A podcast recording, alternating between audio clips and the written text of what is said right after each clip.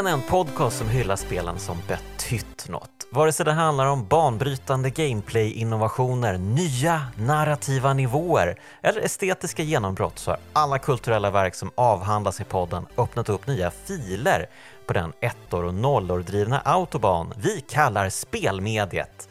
Jag heter Jonas Högberg och idag välkomnar jag Thomas Pettersson till podden. Hej Thomas! Hej Jonas! Hur är läget? Jo, den, den långa utandningen eh, Oj, som, som, eh, som får en att, att vilja säga, eh, jag vill ha det korta, långa svaret. Eh, nej, men ändå närmare döden. Eh, det, det är väl jämna plågor. Jag, eh, jag är lite i, eh, i startgroparna med att leta nytt jobb faktiskt. Mm -hmm. Det är väl kanske det mest spännande om man ska se till Ja, mig vet jag inte, men vad jag gör för tillfället i alla fall.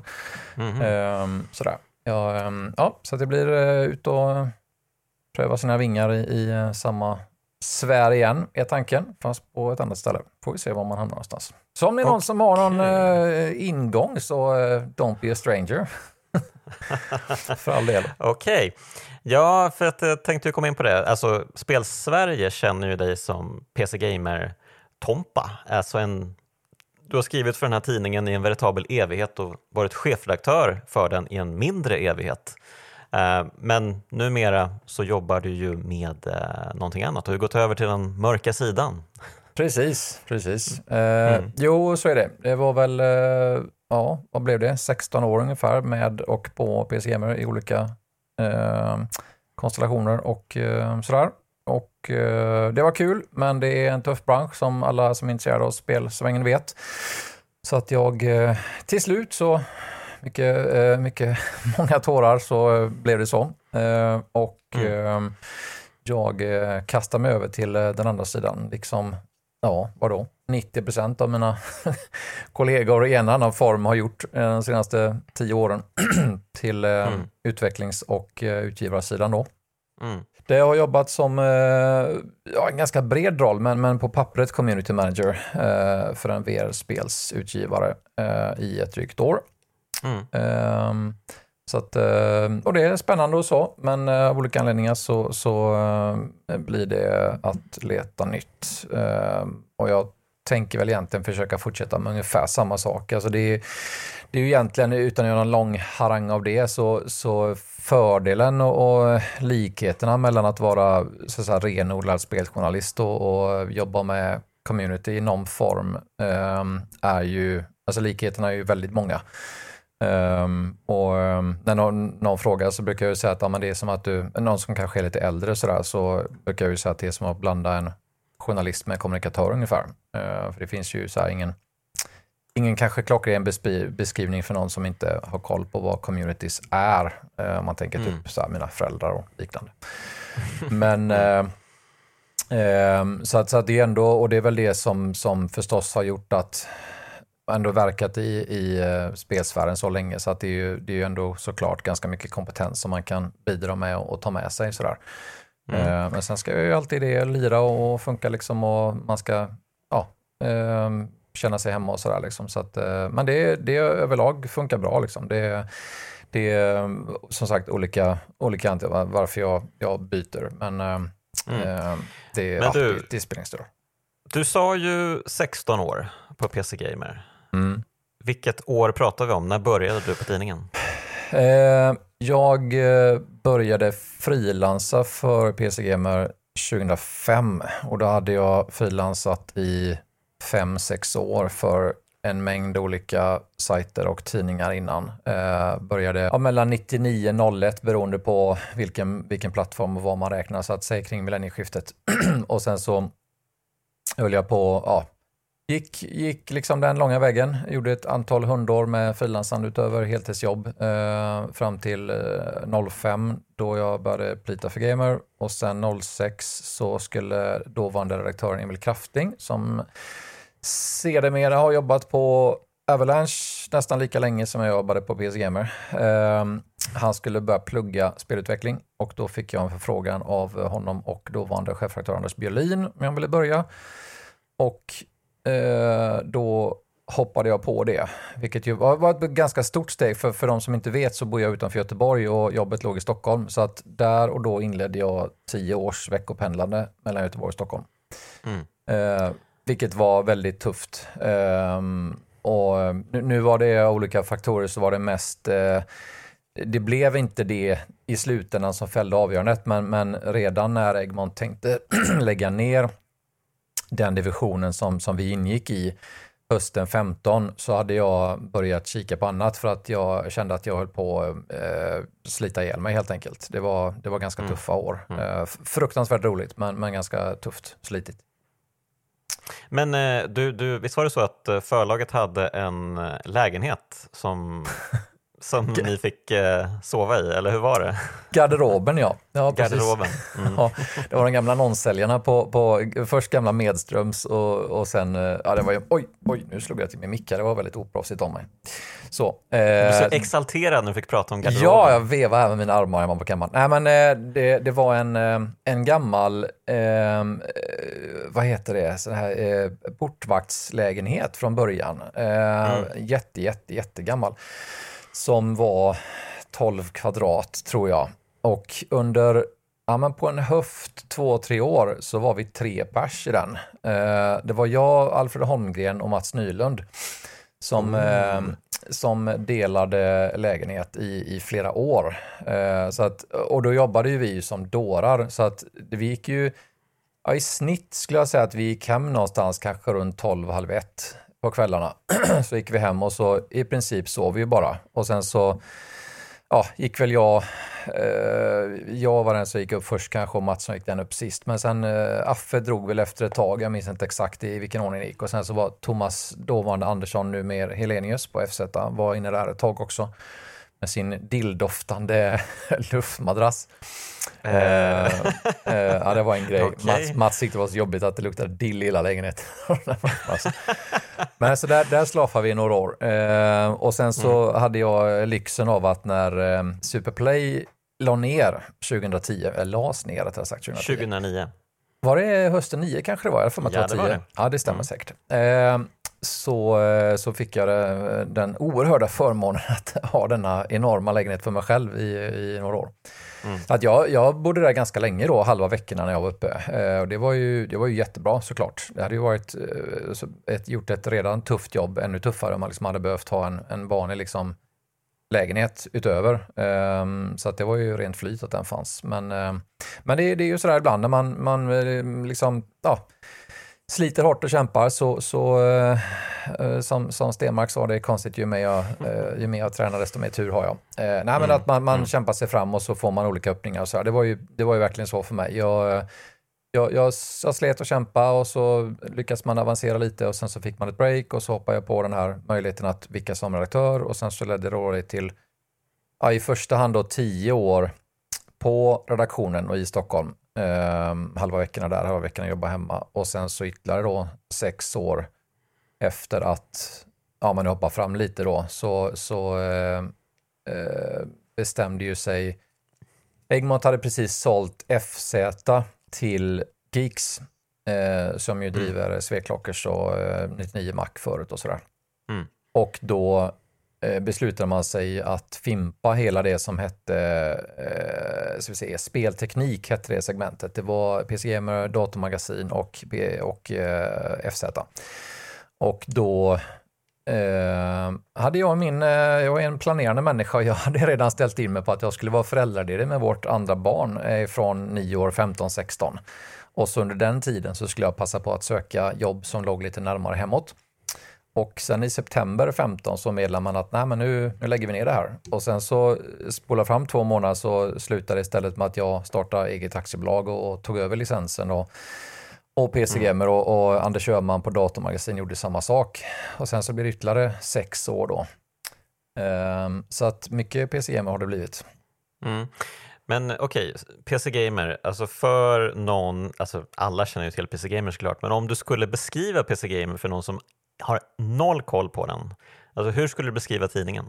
Jag skulle beskriva tidningen som att vi var, vi var den eh, ja, man kan säga först och sist och alla sådana adjektiv och så, men, men, på en mer kanske informativ eller familjär form så skulle man säga att vi var en speltidning som skrev om eh, PC-spel och vi var en väldigt personlig sådan. Vi var oerhört tidiga med en, en väldigt nära, närmast intim kontakt mellan redaktion och läsare, vilket blev stilbildande.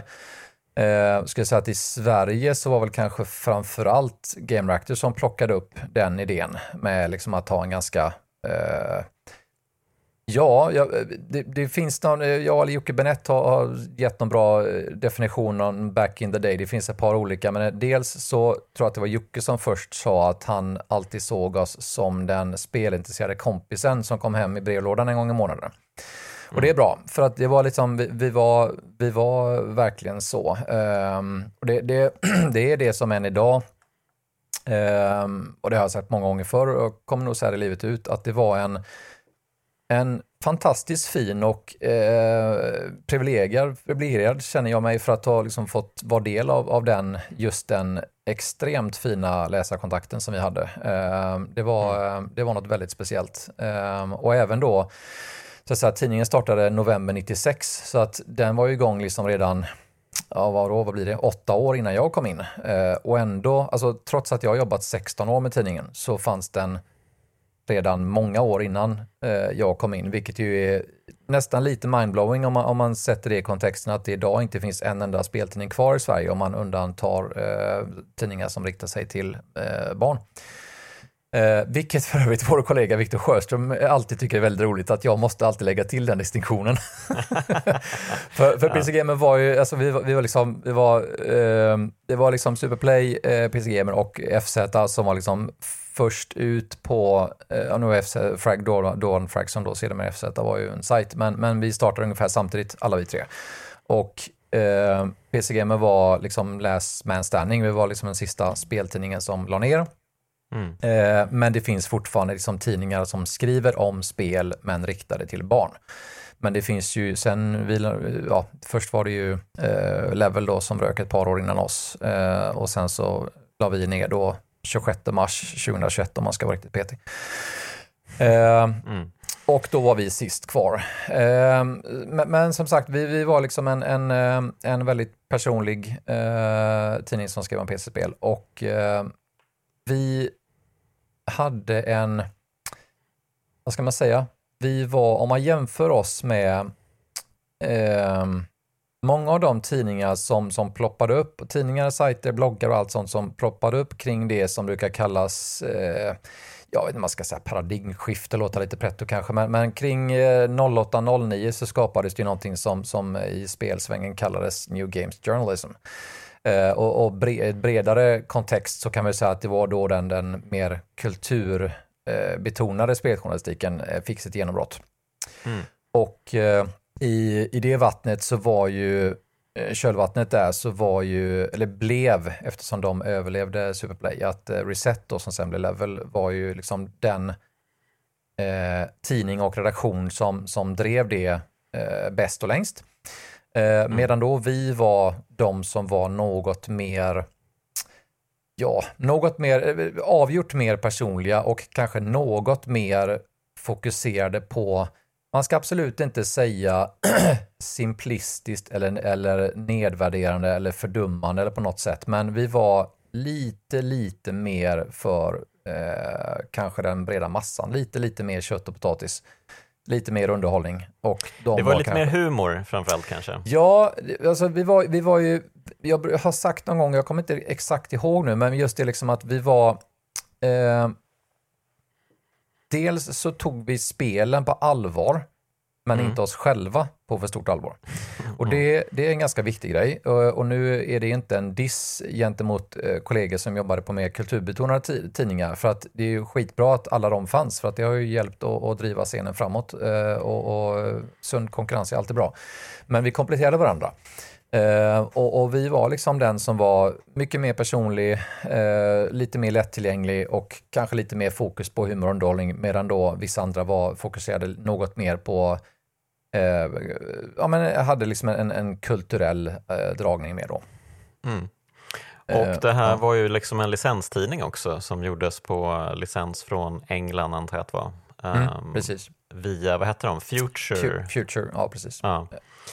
Och eh, alltså, hur, många texter översattes ju såklart från den tidningen, men sen gradvis så blev ju PC Gamer allt mer liksom svenska röster liksom, som tog över där och eh, drev tidningen framåt. Ja, vi, eh, eh vi var alltid den, eller alltid, jag kan inte säga för, för första, första året, första par åren, men första året framför allt, så var det ju väldigt mycket översatt.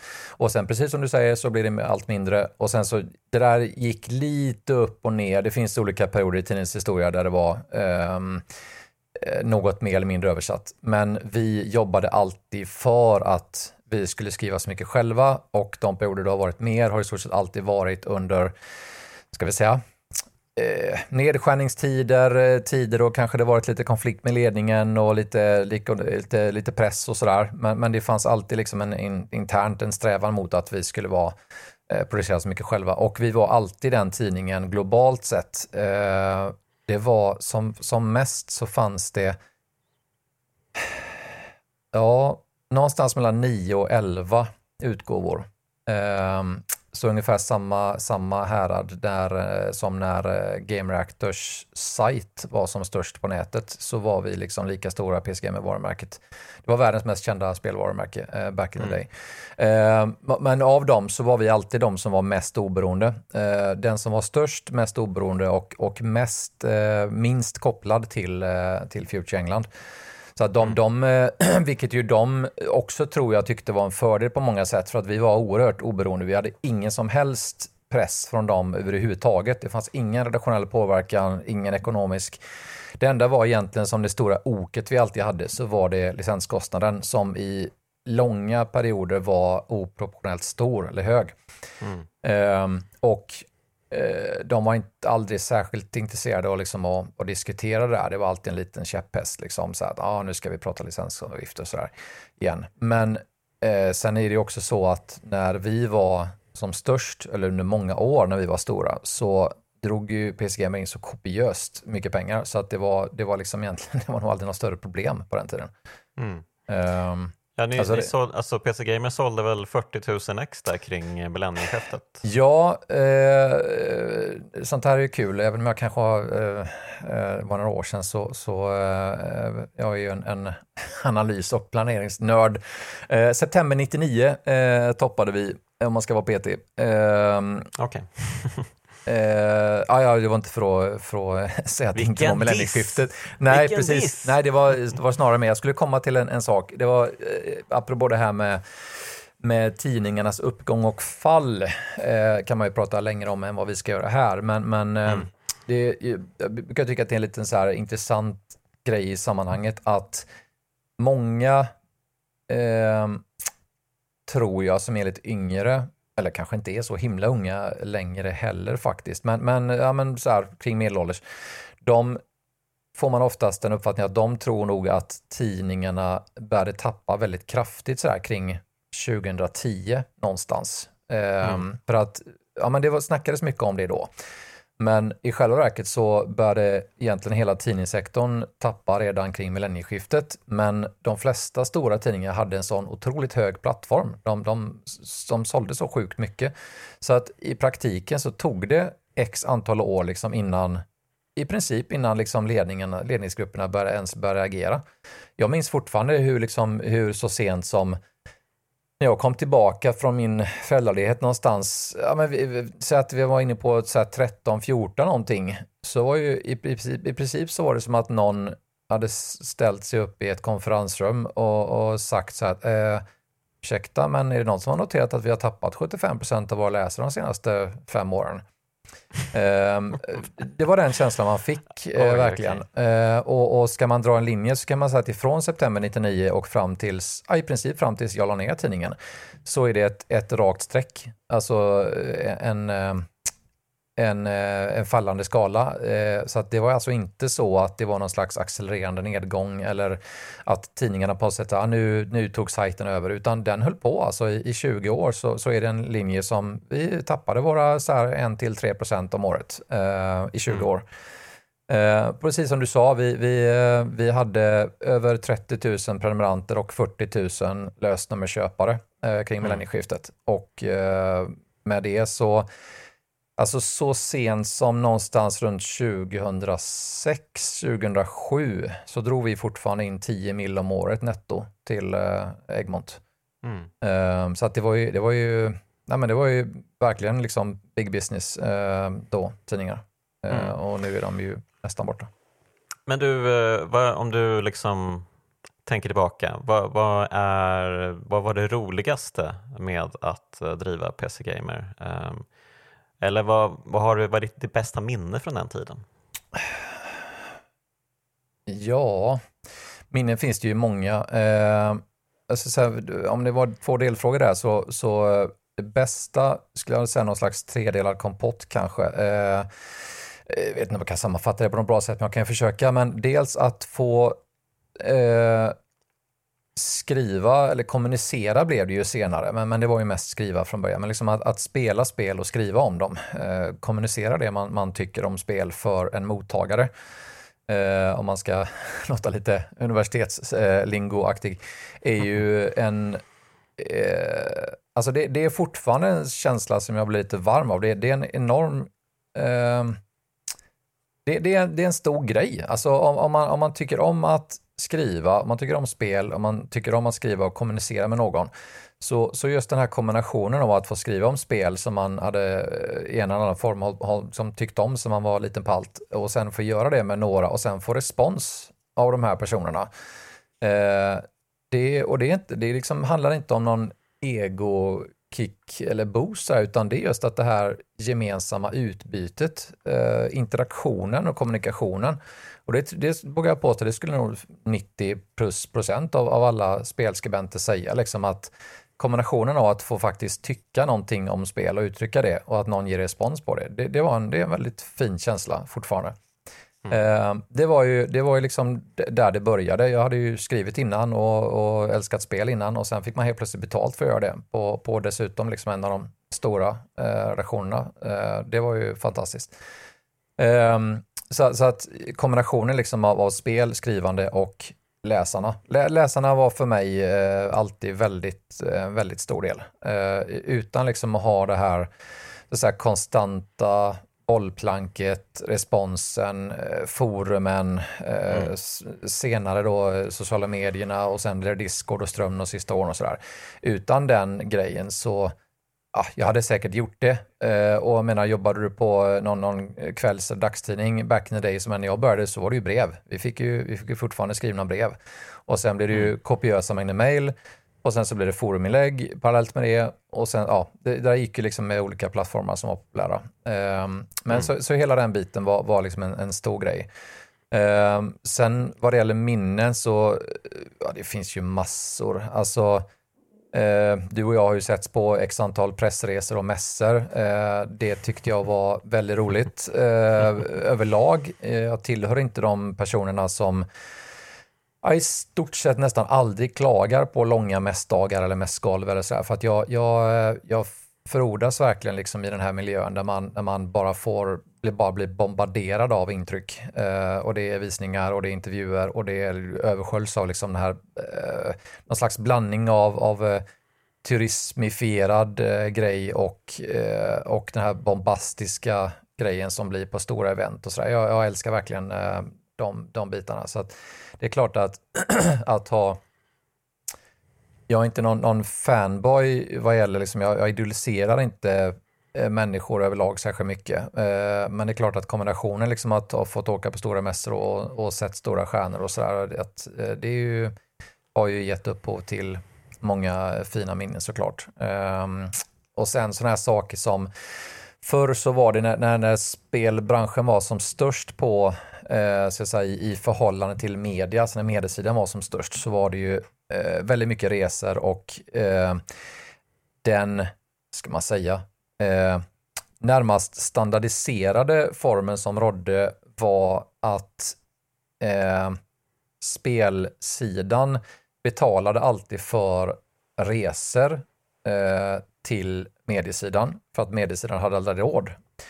Vi hade liksom aldrig åkt till, till de här stora grejerna själva. Mm. Och det, det där um, skulle man, även om man, om man sa det då till någon som jobbade på något mer klassiskt Eh, medium så tyckte de ju så att ah, det är bjudresor och det blir partys och, och så här. Men, men grejen var ju att det där gjordes ju till kutym så tidigt så att det var ju det enda vi kände till. Så att, att den, den, hela den grejen med, med liksom, eh, eventuell partiskhet eller fanboism och så, liksom, den dog ju ut så snabbt. Det, var ju, det fanns ju inget annat system. Alla visste ju att det var så. Det var ju inget märkvärdigt.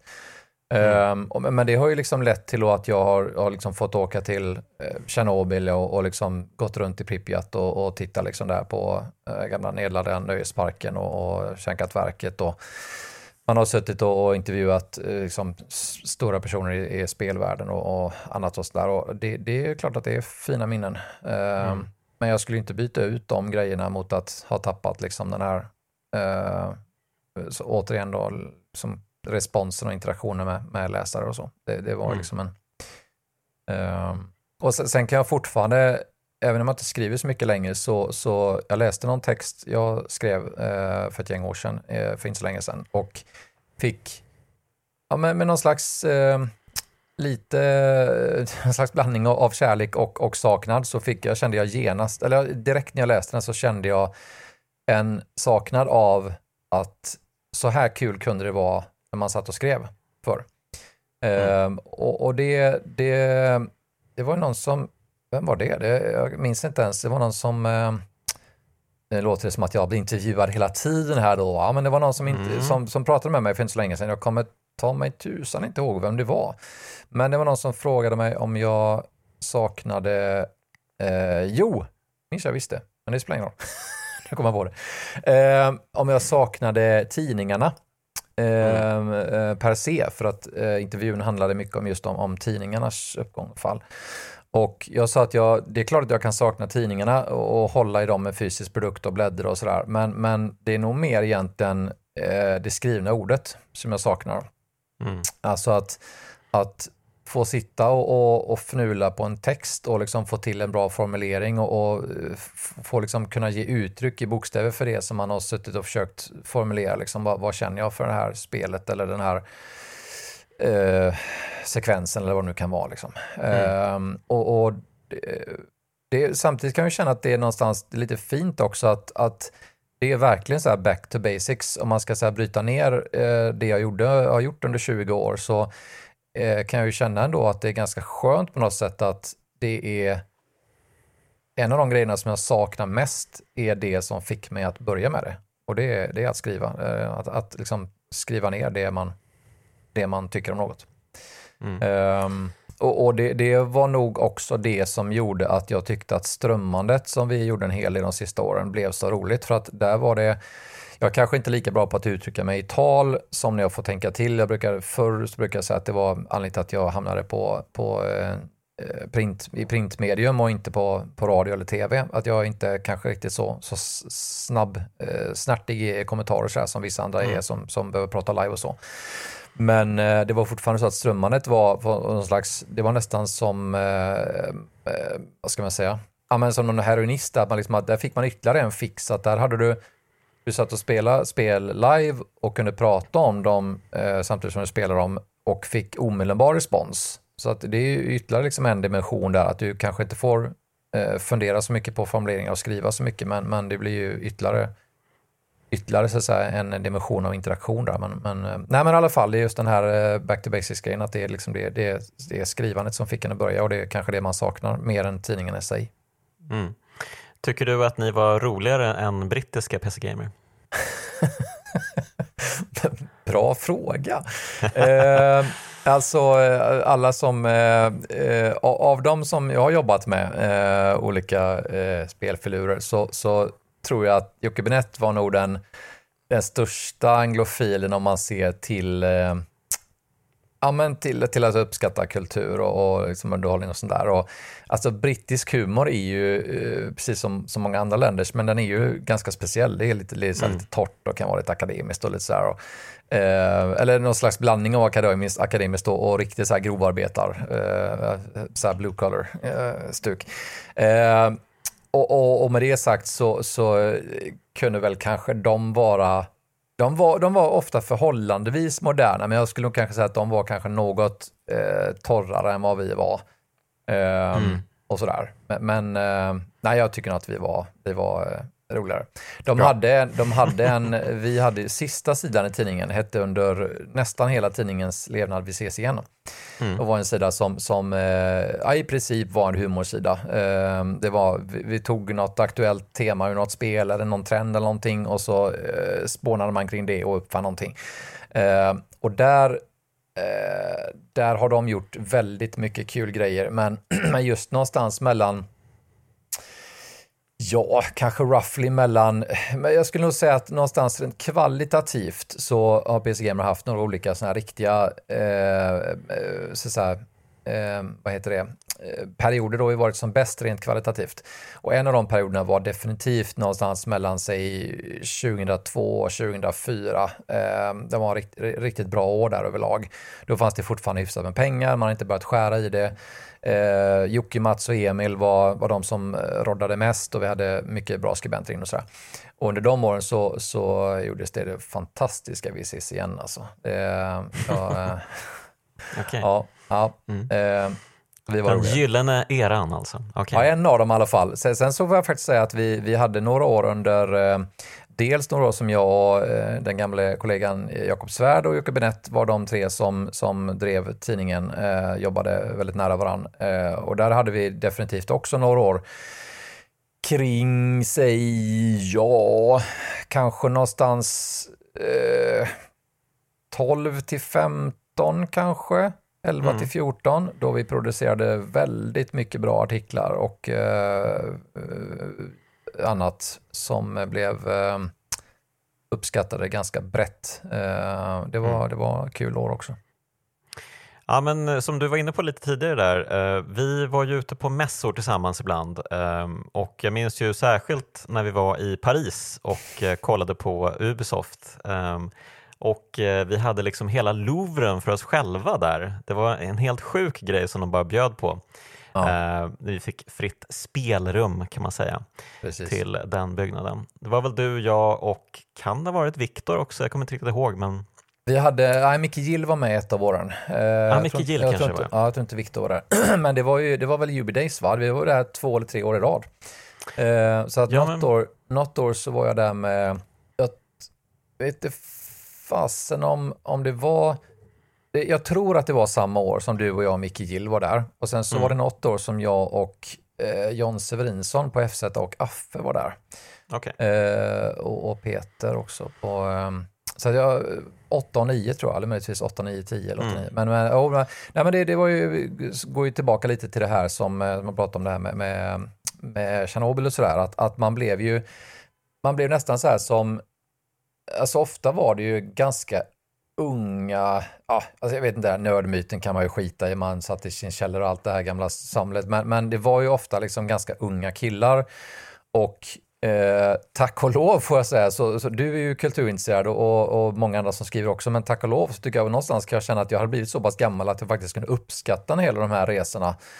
Eh, tror jag bättre än jag liksom hade varit 19 bast och, och helt ny. Eh, för det var ju precis som du säger att det är ju, alltså, det är ju inte det är ju inte vardagsgrejer så här. Alltså vi på, på Gamers så har vi ju så här, jag har ju skickat skribenter till att eh, som har fått flyga eh, propellerplan över Engelska kanalen i liksom så här klassisk armémundering och så, de har liksom fått spela spel i Eiffeltornet. Jag, jag, det var så här, när det var som mest poppis, då gick jag eh, no, något mer än salongsberusad längs gatorna, längs Kievs gator under nämnda eh, Stalker-event då i, eh, i Tjernobyl, utanför Tjernobyl.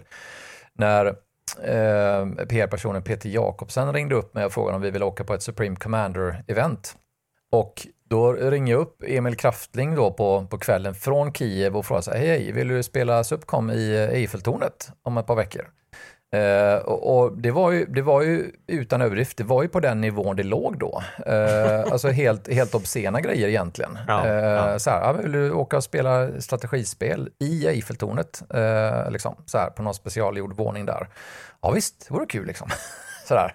Det vore kul. Ja, men li, lite så. och, och, och det var ju liksom de eh, de glada, glada dagarna, eh, då när det mm. var liksom, bara kastades pengar överallt och hit och dit liksom och, och sådär. Men, eh, och nu minns jag inte. Jo, just det, precis. Det var Jubidays och Paris och så ja. Ja, men det var ja. trevliga resor. Ja, men det tyckte jag också. Och eh, från Paris är det ju inte så himla långt till Belgien.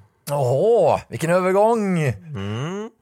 Vi ska ju prata om ett eh, spel idag också, Thomas. Eh, mm. Eh, ett spel som ligger dig varmt om hjärtat. Det heter Outcast. Det gör ju det. Och det här är ju ett spel som kanske inte alla känner till. Um, det är väl så förhållandevis lite doldis nästan. Nästan lite doldisvarning faktiskt. Men ja. Eh, jag ser att du drar dig i skägget och ser lite uh, obekväm ut nu. Men jag tänkte, ja, vi får låta dig introducera spelet tror jag. Vad är Outcast för något? Ja, eh, vad är det inte, Jonas?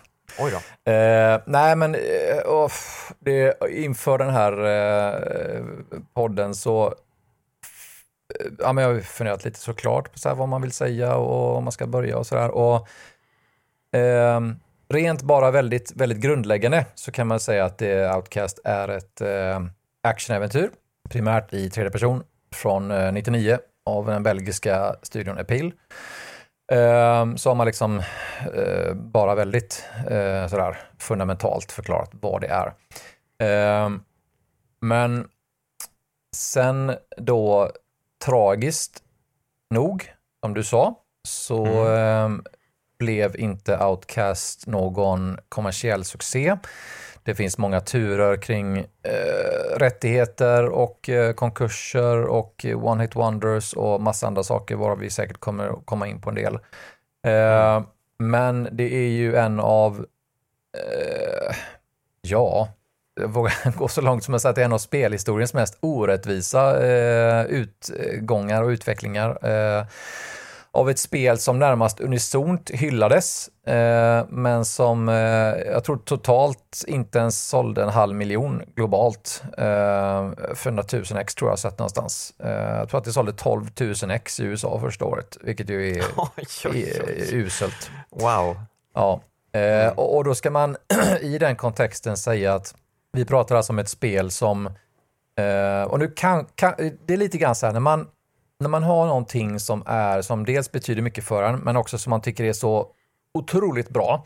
Då ibland kan det vara så lite typ att man nästan överväldigas av saker. Åh, åh, sen var det här, sen var det här, så att man kastas lite fram och tillbaka och sådär. Så att mm. om det blir lite hoppigt så får ni, får ni ursäkta eh, alla lyssnare. Men, men eh, det är för att jag tycker om det så mycket. Men för under en av de här eh, PC Gamer Heyday-perioderna jag nämnde, då jag och Jakob och Jocke roddade allt, då var även Johan Martinsson eh, rätt engagerad i, eller väldigt engagerad eh, med oss och tidningen ett tag. Och jag och han planerade att göra ett eh, lite sådär redaktionellt, någon slags magnum opus eh, kring just Outcast. Att det slumpas nämligen så eh, att precis som du sa så eh, är det lite en, en liten eh, sleeper. Det är ganska många som inte känner till det. Och det sålde inte bra och så vidare. Eh, så att just därför så, så eh, kan det kännas lite intressant att trycka på ett sånt faktum som att eh, jag, Johan Martinsson, eh, nämnde Jocke Benetto, nu en av Sveriges mest etablerade speljournalister under över 20 år eh, Emil Kraftling som då var redaktör på PC Gamer och jobbat i spelsvängen i, i 20 år också. Eh, och Micke Hjalmarsson, en av våra många skribenter. Alla vi håller Outcast som ett av våra absoluta favoritspel genom tiderna. Eh, och vi har dessutom ganska olika spelsmak, vi fyra, fem. Så att det är ju någon slags markör på att det är, inte, det är någonting utöver det vanliga. Eh, Outcast är också ett av blott fem spel av de ungefär 3500 spel vi recenserade under våra 20, ja vad blir det? 25 år, nästan 25 år, mm. 24 och ett halvt, eh, så var det fem spel som fick 90, 96 procent och det är ett av dem. Um, Minns du vilka de andra fyra Såklart att jag gör. vi, vi, uh, Half-Life 2 är det enda spelet som har fått 97% i svenska PC Gamer. Uh, mm. På 96% så uh, har vi Black and White, Outcast, uh, Spelunky, Quake 2 och... Eller vad, var det fem? Ja, jag räknar faktiskt inte, men det, det, det, stämmer säkert. Ja, ja men det är, alltså, det är bara giganter vi pratar om. Mm. och, och, bland dem då så um, så hittar vi Outcast. Och, eh, och, och menar, nämnde jag Black and White för någon som är spelintresserad och, och kanske över 35 år så, så minns de. Eh, mm. Även om det inte var kanske riktigt eh, lika eh, så här, Ja, men på, på, den tiden var det stort, men, men mm. jag menar mm. mer att eh, Quake 2, nu nämner det för någon sådär, liksom, eller Half-Life, jo just det, Half-Life nämnde jag inte, Half-Life det är femte spelet som fick okay. 96 mm. Eh, så är det ju giganter och, och jämte dem så är det ju relativt okänt om du skulle lämna det för tio spelintresserade så är det kanske en eller två som känner till det, liksom, medan mm. nio känner till Half-Life eller Quake. Mm. Eh, så att den kontexten är ju intressant, att, att det är ju inte, det är inte någon, det är inte så här, det, det, är, det är och var väldigt bra. Eh, men det är liksom full mellan stolarna på olika sätt. Um, ja. Ja, precis. Um, och uh, du lyckades inte ta upp exakt vad det är för någonting heller. jo, Men, jag, går, jag går gärna med på, jag tänkte om du vill ha någon följdfråga eller etablera någonting annars så kan vi prata mer om spelet, självklart. Uh, ja, nej men alltså, så här då, har du spelat om spelet uh, i modern tid? Jag har Eh, nu inför den här podden så har jag spelat i en skvätt eh, mm. och då har jag, eh, vi pratade lite du och jag lite löst om jag kan vara i en, i en kort bara, eh, ska inte uppehålla oss kring det kanske, men det är, det är lite intressant ändå för att eh, det släpptes som sagt eh, hösten 99. Sen eh, så sålde Kast och Infogram som sen blev uppköpt av Atari, eh, om jag tänker rätt nu, gjorde det de väl, eh, när Appeal kursade så gick licens, för de var utgivare då, Infogram var utgivare av Arcast, och eh, gick rätterna över till dem. Eh, eller om de köptes upp eller på något sätt, men de tappade i alla fall rättigheterna. Och sen så fram och tillbaka låg det där i limbo i 15 år ungefär. Och man gav sig, man, man, man planerade redan, ska säga, redan innan man, eh, man tappade rättigheterna så planerade man eh, Outcast 2. Mm. Eh, vad hette hette det Paradise Lost va? Tror jag. Ja, det tror jag. Jag tror det. Man ska mm. få Paradise Lost. Eh, och man hann till och med få ut eh, lite, lite artwork på det. Eh, men så sket det sig. Eh, de kursade och tappade rättigheterna. Och sen så någon gång, ja men för 10 ja, 10-ish åren, 10-ish år sedan ungefär, eller kanske knappt, så har man då gått igenom tre, fyra eh, olika eh, scenarier där man dels eh, väldigt symptomatiskt med tanke på hur kastspelet sålde så lanserade man en Kickstarter inför tvåan, när man fick tillbaka rättigheterna, som inte gick igenom. Och ja, alla vet ja. ju att när Kickstarter var som störst så var det i princip så här, ja, men du kunde ju liksom eh, kickstarta en potta med skit liksom och den mm. var ju så ja ah, det är 300 procent över liksom. Ah, gud, Överdriver lite, men, men så, här, ja. så att de nådde så här typ 40 procent eller någonting vad det kan vara, någonstans där, 40, ja, mindre än 50 procent. Mm. Mm. Så att det blev inget av den heller. Eh, och sen exakt vad som kom först vet jag inte, men det gjordes då en, en fan-remake eh, av ettan som heter Planet... Nej, Legacy of the Jods heter den.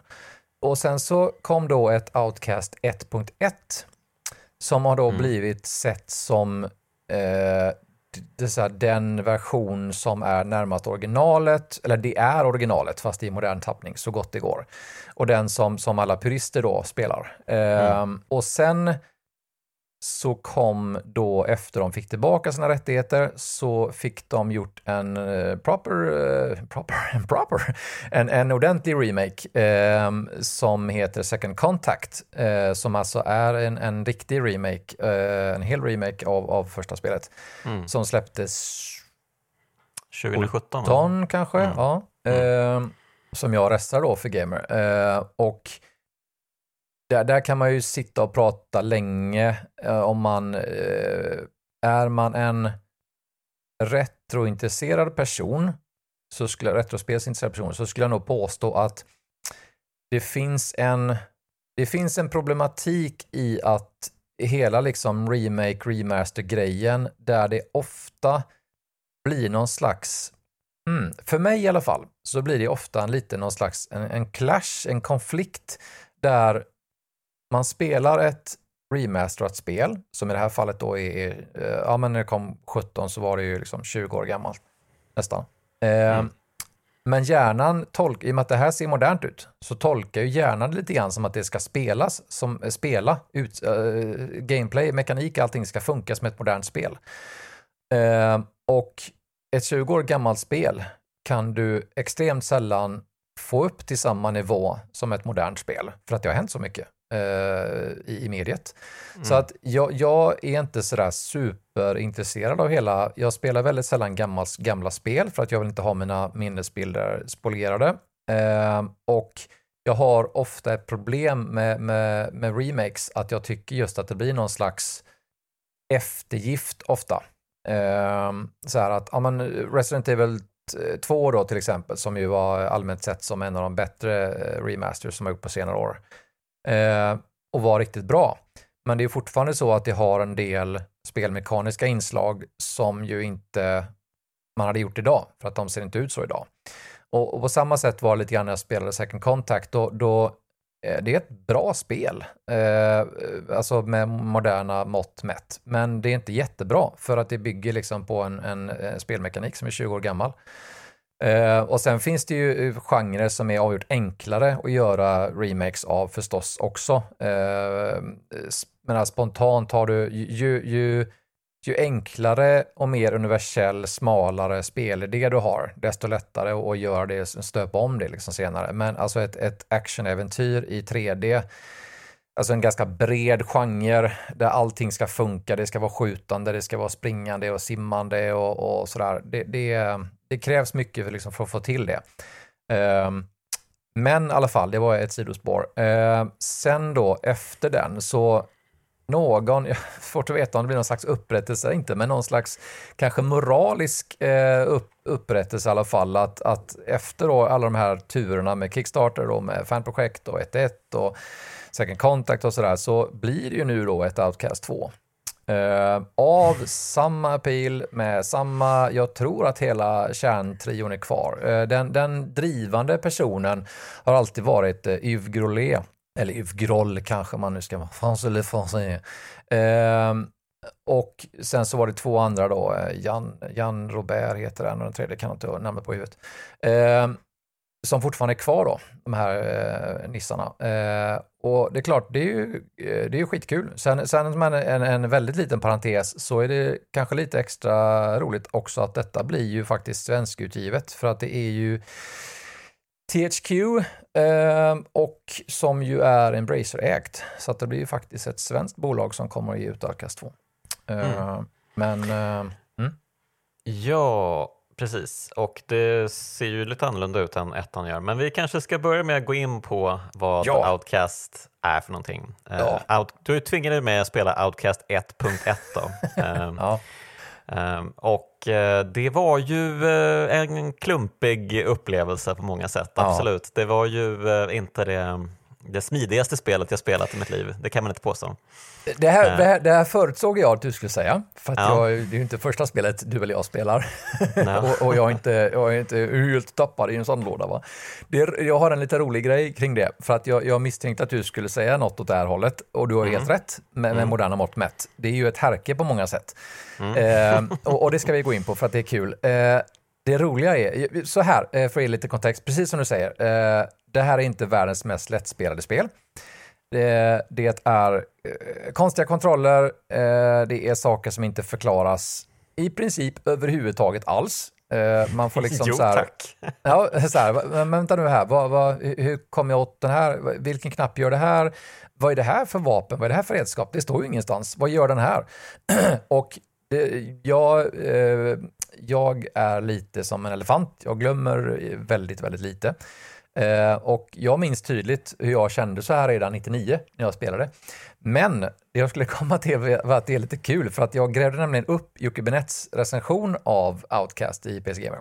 Mm. Och även om jag kunde stora delar liksom av den uh, ungefär by heart innan så det roliga är att jag är lite äldre än du uh, och jag minns, det kanske du gör också förvisso, men, men uh, många lyssnare gör säkert inte det. I slutet på 90-talet så var, hade, vad ska vi säga, renodlade actionäventyr hade inte funnits så länge. Mm. de, de, de hade nästan, eh, ja, de hade inte många år på nacken. Alltså det var ju, det var ju lite grann beroende på vilken, vilken genre man blandar in. Men om man pratar actionäventyr så tänker säkert många Tomb Raider då till exempel, som var den första. Mm. Eh, och synonymt för, jag vågar påstå nästan alla ofta, ofta 3D, för att annars var det ofta action eller FPS då, men, men om man säger ofta i tredje person äh, actionäventyr, så synonymt för nästan alla dem vid den tiden var att med dagens mått mätt så kändes det ju som att man bör vara kärnfysiker för att spela dem. För att det är kontroller och interface och, och grejer som är eh, orimligt svårt. Mm. Eh, och, och, och dåligt, dåligt förklarat och sådär. Så att till Outcasts försvar Eh, jag minns att jag tyckte att det var svårt att förstå då, men det var många spel som var svåra att förstå då. Mm. Eh, alltså det var undermåliga menyer. Jag, jag, jag retrospelade Hitman, det första Agent 47 eh, av danska IO Interactive för ett tag sedan. Mm. Och det var precis samma sak där. Alltså de mest obskyra eh, handfattningen på tangentbord och okej, okay, alltså saker som idag är helt eh, inte bara etablerade utan självskrivna. Liksom. Alltså, den här knappen öppnar du dörren med, space hoppar man med, du skjuter med vänster. Ingenting sånt fanns då. Det, alltså, I stort sett det enda som fanns, det var, eh, alltså inte ens VAST var ju etablerat, utan det var ofta piltangenterna som du använde. Eh, vilket gjorde liksom att du i princip, för du kunde ju inte binda tangenter på den tiden mm. i regel. Nej, nej, du kunde nej. inte binda om dem. Så att eh, jag satt ju ofta, minns jag när jag spelade, jag drog ju mitt tangentbord ofta långt åt vänster och så körde jag ju då liksom med, med piltangenterna och musen. Eh, och, eh, och sådana här saker liksom som att ah, men det är ju klassiskt, det sitter ju på E eller F och, och det här är space. Alltså i det här spelet så, så eh, lägg, kryper du med space. Eh, du intar en liksom aggressiv eh, stance, hållning med höger musknapp. Eh, det finns ingen, som sagt, du kan inte binda om någonting. I, i settings och options så hittar du en del av, av eh, vad knapparna gör på tangentbordet. Mm. Men du hittar ingen beskrivning av eh, de olika redskapen överhuvudtaget. Mm. Finns mm. inte i spelet. så att det är som sagt, jo, och efter denna långa utläggning så ska jag då komma fram till att det roliga var att så läser jag då Jockes recension från september 99 och så läste jag hur han tycker att det här spelet är ett, eh, ja, eh, makalöst underverk eller eh, typ ett, ett silkeslent flyt. Något åt det hållet är formuleringen att kontrollera. Eh, så att man, får ni liksom ändå en, en historisk kontext att det såg ut så då. Eh, det var inte bättre vad, vad gäller liksom interface och controller. Så att jag har ganska mycket överseende med det om man ska liksom spela Outcast idag.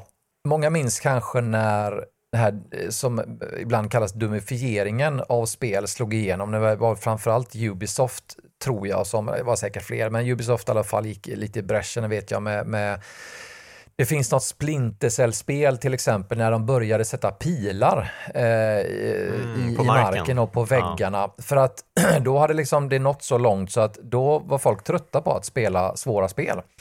Så då ville man liksom att någon skulle hålla handen.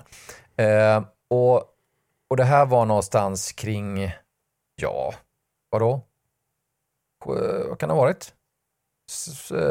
7, 8 kanske, 2007, 2008 någonstans, mellan mm. 5 och 10. Mm. Eh, och hoppar man, fram, eh, hoppar man tillbaka 10 år då så, så hamnar man liksom i den här perioden då, då spel verkligen var eh, svinsvåra. Eh, ofta inte kanske så mycket, dels kanske liksom ren svårighetsgrad, men väldigt ofta så var de undermåligt förklarade. Eh, jag minns när jag spelade igenom Outcast första gången. Jag, jag, jag la, jag, kommer, jag tror att det var när det var 62 eller 62, 62 eller 65 timmar jag la på min första genomspelning. Och det berodde mycket på att dels så var det ett par saker som jag fick leta efter hur länge som helst. För att det här var ju, eh, vi hade, jag tror att jag hade 56, eh, jag hade 56k modem på den tiden, men det fanns ju liksom inga för alla er kittis där ute då, det fanns ju liksom inget YouTube, eh, Google hette Alta Vista och Yahoo och var ganska undermåligt. Det fanns inga walkthroughs, inga fuskguider, ingen att koncentrera, utan man fick ju liksom nöta igenom svåra spel själv och lösa dem bäst man ville i princip. Eh, och jag körde fast på ett par ställen och verkligen så här sega mig ur det.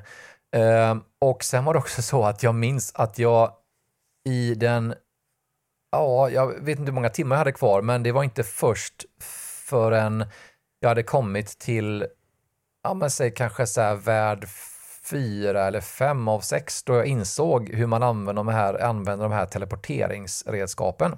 Mm. Så att jag hade ju sprungit fram och tillbaka mellan alla världar. Uh, och det är ju ett jäkla springande uh, kan jag säga. Uh, även om man hade sin, sitt trofasta riddjur, sin Twanha. så, så, så att ja, de var, spelare var ofta var liksom, härken när det gäller liksom, när det gäller att förklara saker och sånt där. Men det var ju det var liksom så det såg ut. Men då, då fick du en liten smak av, av den biten. Det fick jag. Eh, ja. Faktum är att jag eh, blev så frustrerad att eh, jag glömde bort att det var ett gammalt spel. För jag hittade liksom ingen funktion man kunde spara i menyerna. Och, Gam, din, din Gamsav Jonas, din Gamsav. Ja, och jag tänkte jaha, varför hittar jag, det finns inget sätt att spara på, jag förstår verkligen ingenting här. Ja, ja men det kanske autosparar då, för det här var ju liksom Eh, det är ju liksom en, en ny version av originalet, mm. 1.1. De har mm. säkert lagt till autosparning och sen så gick jag ur spelet efter jag spelat tre timmar. Vilket ju innebar att jag inte fick spelet sparat alls alltså. För det, det, man måste göra för att spara är att plocka fram ett särskilt föremål eh, och använda det för att spara spelet. Eh, i själva spelvärlden. Och när man använder föremålet då lockar man ju till sig fiender också för de hör föremålet. Um, vilket ja. ju är en så jävla märklig grej. Um, och lite men, cool. Ja, ja, i och för sig absolut. Ja, men, men... då, alltså vi pratar 99 här, uh, idag är det ju inte det. Men, men eh, ja, nej, men det, det, eh, ja, det är ju inte mycket. Som sagt, det, det, är, det är dåligt förklarat ehm, och, och ehm, någonstans, det är ju intressant, alltså eh, vårt älskade medium som, som har gått fram så mycket de senaste 25 åren. Ehm, det är ju det har någon slags frustrerande charm ah, hur det är fortfarande någonstans, alltså om du säger år 2000 i nästan vilken annan, annan kontext som helst så är inte det så fruktansvärt länge sedan. Men, men pratar vi spel så är det ju som att det var en livstid sedan, eh, verkligen. Eh, det har hänt så oerhört mycket. Och, och, just det här som sagt hur, eh, jag älskar ju spelet och jag fick ju ändå sitta och fundera lite grann så här, vänta nu här, vad var det den här gjorde liksom? Och, och just ja, det var så här, ja det var konstigt. ehm, och sådär. Så att jo, de, de leker ju med i eh, eh, och apropå det hoppandet jag nämnde innan, att det är så lätt att man hoppar fram och tillbaka för att det finns så otroligt många saker som är så bra i det här spelet. Så att det blir så här, ja just ja, eh, vi måste prata om musiken, ja just det, vi måste prata om AI, ja men, eh, ja men storyn, eh, så här, allt, allt är liksom sjukt bra. Men eh, i, eh, i terminologin, alltså du, du, du är då en eh, före detta kommandosoldat amerikansk, som eh, i introt då så eh, reser man genom eh, portaler eh, till en annan värld som heter Adel Adel äh, Adelfa. Och ehm, där finns det då eh, lokala invånare som heter Talan. Mm. Och de har ett eget språk. de pratar engelska men de har en egna ord och sådär. Och ehm, hur mycket jag än hyllar spelet så, så det är ju inte så att, att deras språk, vi pratar ju inte liksom sådär tusentals ord och så här, liksom, att det, det är liksom inte, inte på den nivån och kanske heller liksom inte på eh, Planescape Torment eller Borderscape 2 nivå man pratar liksom eh, eh, manus och, och, och, antal skrivna rader och sånt där. Men det är ändå och, och väldigt, väldigt ambitiöst. Framförallt så, så är det det absolut bästa med Outcast, det är hur bra det är på så oerhört många olika saker för sin tid. Alltså det är det mm. säklas mest imponerande med spelet. Att det var top notch inom precis varenda effing avdelning du kan tänka dig. Och det är det som är så sjukt eh, imponerande och fascinerande. Um, men i vilket fall som helst så det är bara en sån lite rolig detalj då att de kallade den här stenen som du sparar med för Gamsav, mm. alltså Game Save då. Eh, och det är ju inte på något, det är ju så lite välkommen till Göteborg, men, men det är ju det är, det är så lite rolig detalj. Eh, men eh, ja, det var ju tråkigt men eh, dina tre timmar där, men du, du skulle ju du skulle ju testspara tidigare kan jag tycka, men, men all right. ja, man, är, ja, man är så van vid autosparning nu för tiden. Ja. Eh, tyvärr. Man har väl blivit ja. lite, lite för laid back kanske i sitt gemande. Um, ja. Men uh, visst, det var ju uh, korkat, absolut. Ja, uh, men, men som du var inne på, då, spelet det är ju ett actionäventyr och det utspelar sig då i en det står att det är ett parallellt universum till och med, som den här främmande världen existerar i.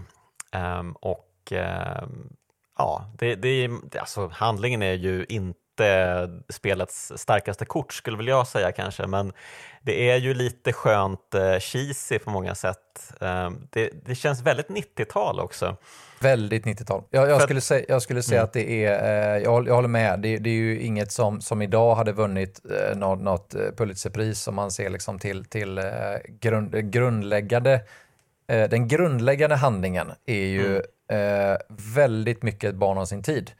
Eh, mm. Och jag menar, det här var ju liksom eran då av, av eh, liksom, eh, ja, alltså, ja men bombastiskt, slut 90-tal, väldigt bombastiskt, Independence Day, eh, liksom alla eh, Tomb Raider, jag menar eh, så, eh, Con Air, alla, det var liksom ganska mycket dum action på den tiden. Vad roligt eh, att du sa Con Air, för jag tänkte också på Con Air. Nej. Kanske ja. just för att hjälten heter Cutter Slade, det känns som ett Con ja. Air-namn som en av skurkarna borde ha haft. Liksom.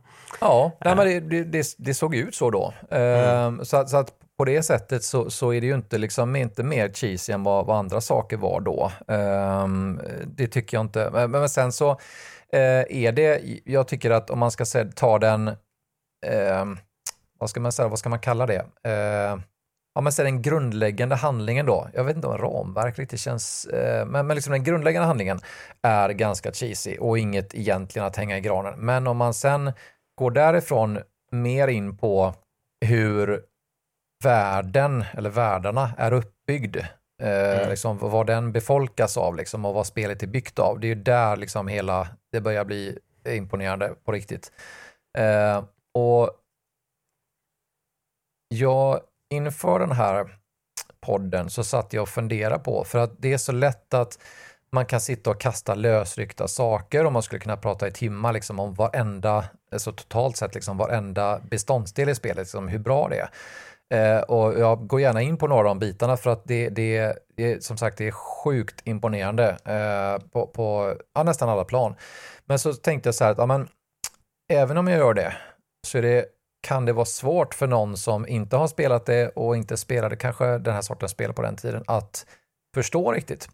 Ehm, för att det är alltid svårt att beskriva. Så här, jag kan ju säga att AI är bra. Jag kan säga att det är, eh, sjukt coolt att kunna bygga eh, sex helt olika världar. Att ha eh, tusen, ja nu var tusen eller tusental, någonstans runt tusen unika personer som lever sina liv och plockar sitt ris och, och går runt och säljer saker oberoende av varandra eh, med AI. Eh, fiender som tar skydd, eh, hämtar förstärkning, eh, Eh, olika, att du får olika respons av bybor, olika saker du säger. Eh, draw distance från, från paradiset för den tiden, det snyggaste spelet som fanns. Eh, trots allt lättdriv, lättdrivet för att det nyttjar någon slags obskyr blandning av eh, voxlar och eh, polygongenererad terräng. Eh, alltså det, jag skulle, eh, 68 minuter soundtrack av komponerat av Lenny Moore framfört av eh, Moskvas symfoniorkester som håller Alltså det är, det är för mig fortfarande bästa, äh, ett av de absolut bästa spelsoundtracken någonsin, finns på Spotify. Äh, äh, alltså det, det, finns så fruktansvärt mycket saker i spelet som är bra mm. och så på en oerhört hög nivå. Men i alla fall så, så tänkte jag så här, men på något sätt, det närmsta jag kunde komma så i modern tid som jag själv kan jämföra med så är det Red Dead Redemption 2. Oj, okay. Det är för att RDR2 är för mig på ungefär samma premisser. Eh, det är ett spel som jag älskar för övrigt. Eh, och då gissar jag att det finns ganska många av dem eh, som lyssnar där ute som har spelat det. Eller tittat på det en del sådär. Och vad Outcast delar med det, det är just det här att en av de stora sakerna med, de stora bra sakerna med, med RDR2 är just hur det är bra på allt. Alltså det, är, det håller sån otroligt hög nivå på varenda liten skitdetalj. Eh, sen att kampanjen är utdragen och, och ja, har lite begränsningar och lite konstiga knappar och sådär. Alltså det är liksom eh, sådär, lite blamage i nästan övrigt fläckfritt protokoll. Men, men just hur otroligt ambitiöst det är. Det är liksom ner till flugorna som, som surrar liksom kring eh, djurkadaver som hänger över din häst och liksom till, eh, till eh, hästens rörelser och till, till allt i det spelet är i princip bra. Och det, det var det närmaste jag kunde komma liksom till att försöka jämföra någonting med när man liksom spelar ett spel som Outcast och så inser man liksom så att fasen, det finns ju ingenting i det, i princip ingenting som är dåligt. Eh, alltså de, de sakerna i spelet som, som jag minns jag tyckte var eh, mindre bra då och, och liksom något begränsande så är det i princip så är det att det var för svårt. Det var undermåligt förklarat. Alltså man beskriver inte vad, som vi sa förut, man beskriver inte vad olika saker gör och är.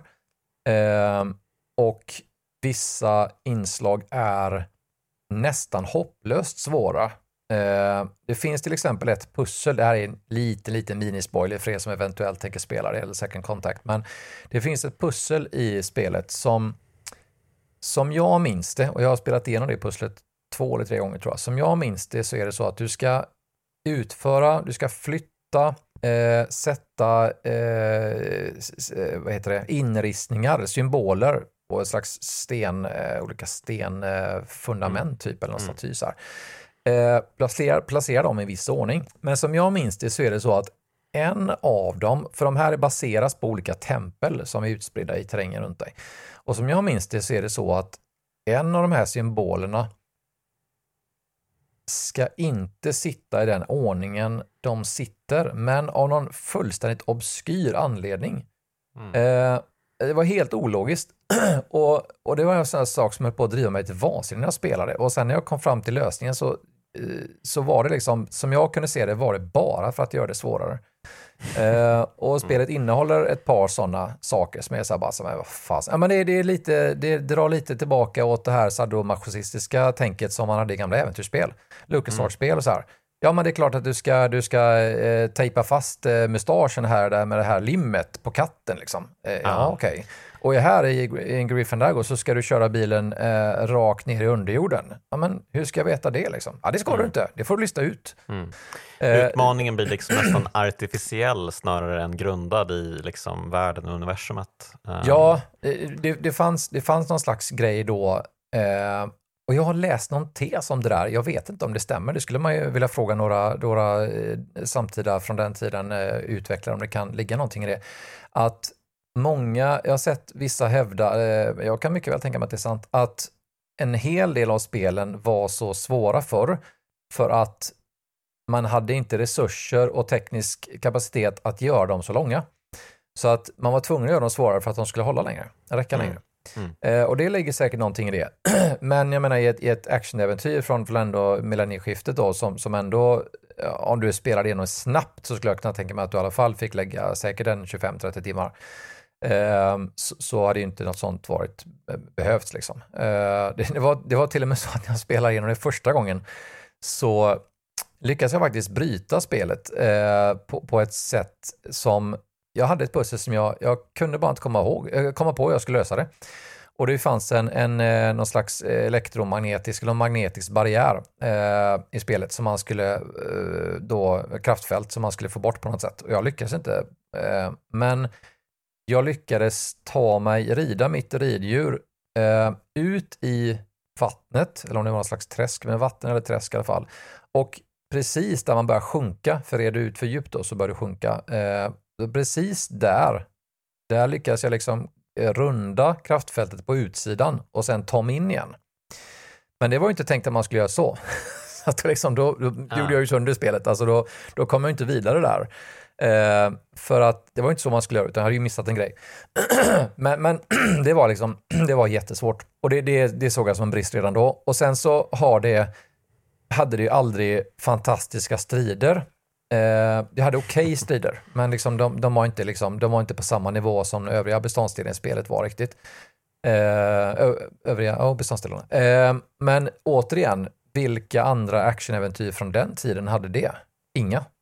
Alltså striderna i Tomb Raider var verkligen inte något att hänga i granen på den tiden heller. Det var ju inte, det var mm. inte striderna som låg i fokus. Det var ju liksom klättrandet och pusslen och, och eh, utforskandet, de, upp, utforskandet och, och sådär va. Så att, så att det är också sådana här grejer som att verkligen eh, inte en, ska man säga, inte en ursäkt utan mer ett faktum att det var inga liksom, stora öppna actionäventyr från den tiden som hade fantastiskt, det var inget FPS, det var inte Quake liksom. Eh, mm. och, och, det, jag kanske har missat någon enstaka grej nu, men, men det var ju i princip de enda liksom, bristerna jag kan komma på. Okej, okay. eh, ja men uh, jag kan få prata lite då. Uh, ja. För nu har du tagit väldigt mycket upp, utrymme här. Um, och så kan jag ge en, um, jag har ju aldrig spelat spelet tidigare. Um, och att komma in i det här spelet med en 2023 mindset, ja, som ni redan hört, det, det, är lite, det kan bli lite wonky helt enkelt. Ehm, men Alltså jag, eh, jag njöt verkligen av introsekvensen som var otroligt cheesy och medan den här konstiga eh, Alltså Cutter Slade i sig är ju någonting att prata om. Även om handlingen är lite konstig eller inte jättebra och lite cheesy och sådär så är ju han en sån jävla märklig karaktär. Han är liksom någon sorts eh, amalgam av den ultimata actionhjälten, någon sorts Bruce Willis-kopia som, eh, alltså, de kommer in och, och snackar med honom och säger att Hör du, eh, vi måste rädda jorden. Jaha, vad då då? Nej men vi råkade fucka upp lite, vi skickade iväg någon jävla probe någonstans i en annan dimension och nu, ja, nu kommer allt bara skita sig. Alltså allt bara exploderar och han bara, ja, det har väl inget med mig att göra, skiter väl jag i. Och de bara, va? Men du måste ju rädda jorden! Äh, jag vet inte, men jag är så sugen på det. Alltså, sån eh, jävla märklig attityd för den här killen. Um, och uh, den, uh, den försvinner faktiskt lite sen när man börjar spela för han blir ju faktiskt ganska empatisk till de här äh, Talan-personerna, den här andra civilisationen som man möter då i äh, Adelpha. Ehm, och äh, blir faktiskt ganska mysig till slut också. Ehm, och en sån här klassisk hjälte snarare. Så han går från jättekonstig antihjälte till en mer klassisk hjälte under spelets gång. Liksom. Men, eh, men han har fortfarande den här lite salta sidan som liksom kommer fram i konversationerna med olika talents. Och det kanske tycker jag är det roligaste med spelet egentligen, eh, att kunna prata med eh, i princip vem som helst som dyker upp på ens, ens vy och faktiskt kunna ha en ganska långa konversationer om lite ditten och datten. Verkligen. Och så är det någon då som berättar om det finns ju då ett skäl till varför det bara finns eh, manliga talents i den här världen. Um, och eh, det kanske man inte tänkt på till en början. Jaha, jag har inte sett några kvinnor än för att de här de liksom, talents ser ju lite speciella ut. Det, det, är ju människoformade varelser men de ser lite ut som eh, det ser lite ut som skor i ansiktet. Jag tänker på um, Ingvar Carlsson till exempel. Eh, den här klassiska skobilden eh, eh, av honom. Um, lite så ser de ut i ansiktet och uh, det är ju liksom lite platt grafik och sådär så de ser lite weird ut helt enkelt. Um, så man kanske inte tänker på att aha, jag har inte sett någon kvinna än i den här världen. Utan det är först när någon, någon snubbe liksom påtalar det som bara jaha, just det, okej. Okay. Uh, och inga barn heller. Nej, det är för att alla befinner sig på en speciell ö någonstans. Um, och det här är ju då en efterkonstruktion, eh, har jag läst mig till, då, att utvecklarna helt enkelt inte hade tid att, att fixa kvinnor till spelet. Uh, men ja, det är en ganska kul efterkonstruktion och eh, då befinner sig alla kvinnor på en specifik ö och så typ var, vart hundrade år eller något sånt där så eh, får alla män dra till den här ön med förhoppningen om att få till det med en kvinna. Ehm, och, eh, men då pratar de med den här personen ehm, och eh, han berättar om det här. Ja, det, det är en stor, eh, en stor ära att få komma dit och, och så, så väljer kvinnorna ut en av, en av männen. Alla blir ju inte valda för det, det är så många helt enkelt. Um, men okej, okay, men vad, vad händer med de som inte, ja, inte får mysa? Ja, men de får ju ta hand om barnen medan de andra håller på sådär. Och då stappar han till direkt Catterslade och bara ah okej okay, okej, okay. ah, du har aldrig blivit vald va? Han bara nej det, det är en ära att ta hand om barnen och bara mm okej okay, okej okay. stackare, din lilla stackare. Så att han har fortfarande liksom den där, uh, han, han sticker gärna kniven i folk uh, även bildligt. Jag eh. tänkte, jag tänkte du, du sa, och, och det är också, apropå vi pratade om tidens, alltså, den symptomatisk för den eran, Bruce Willis nämnde du, det är ju väldigt mycket så. Mm. Just det här eh, cyniska, cynismen blandat med humorn då. Eh, och, och, jag håller med, alltså det, det, är ytterligare en sån bit som gör, som gör spelet bra. Att, på den tiden var det väldigt vanligt med liksom den här, som sagt, den här Kalle humoristiska hårda actionhjälten. Så att det är ju ytterligare bara liksom en, en symptom av den tiden. Men sen samtidigt då, eh, som du säger, så är ju eh, man, alltså AI och manus är ju på den nivån att du kan stå och diskutera saker bra länge, du kan prata precis som du säger med vem som helst och allting hänger ju ihop. Det finns ju samband.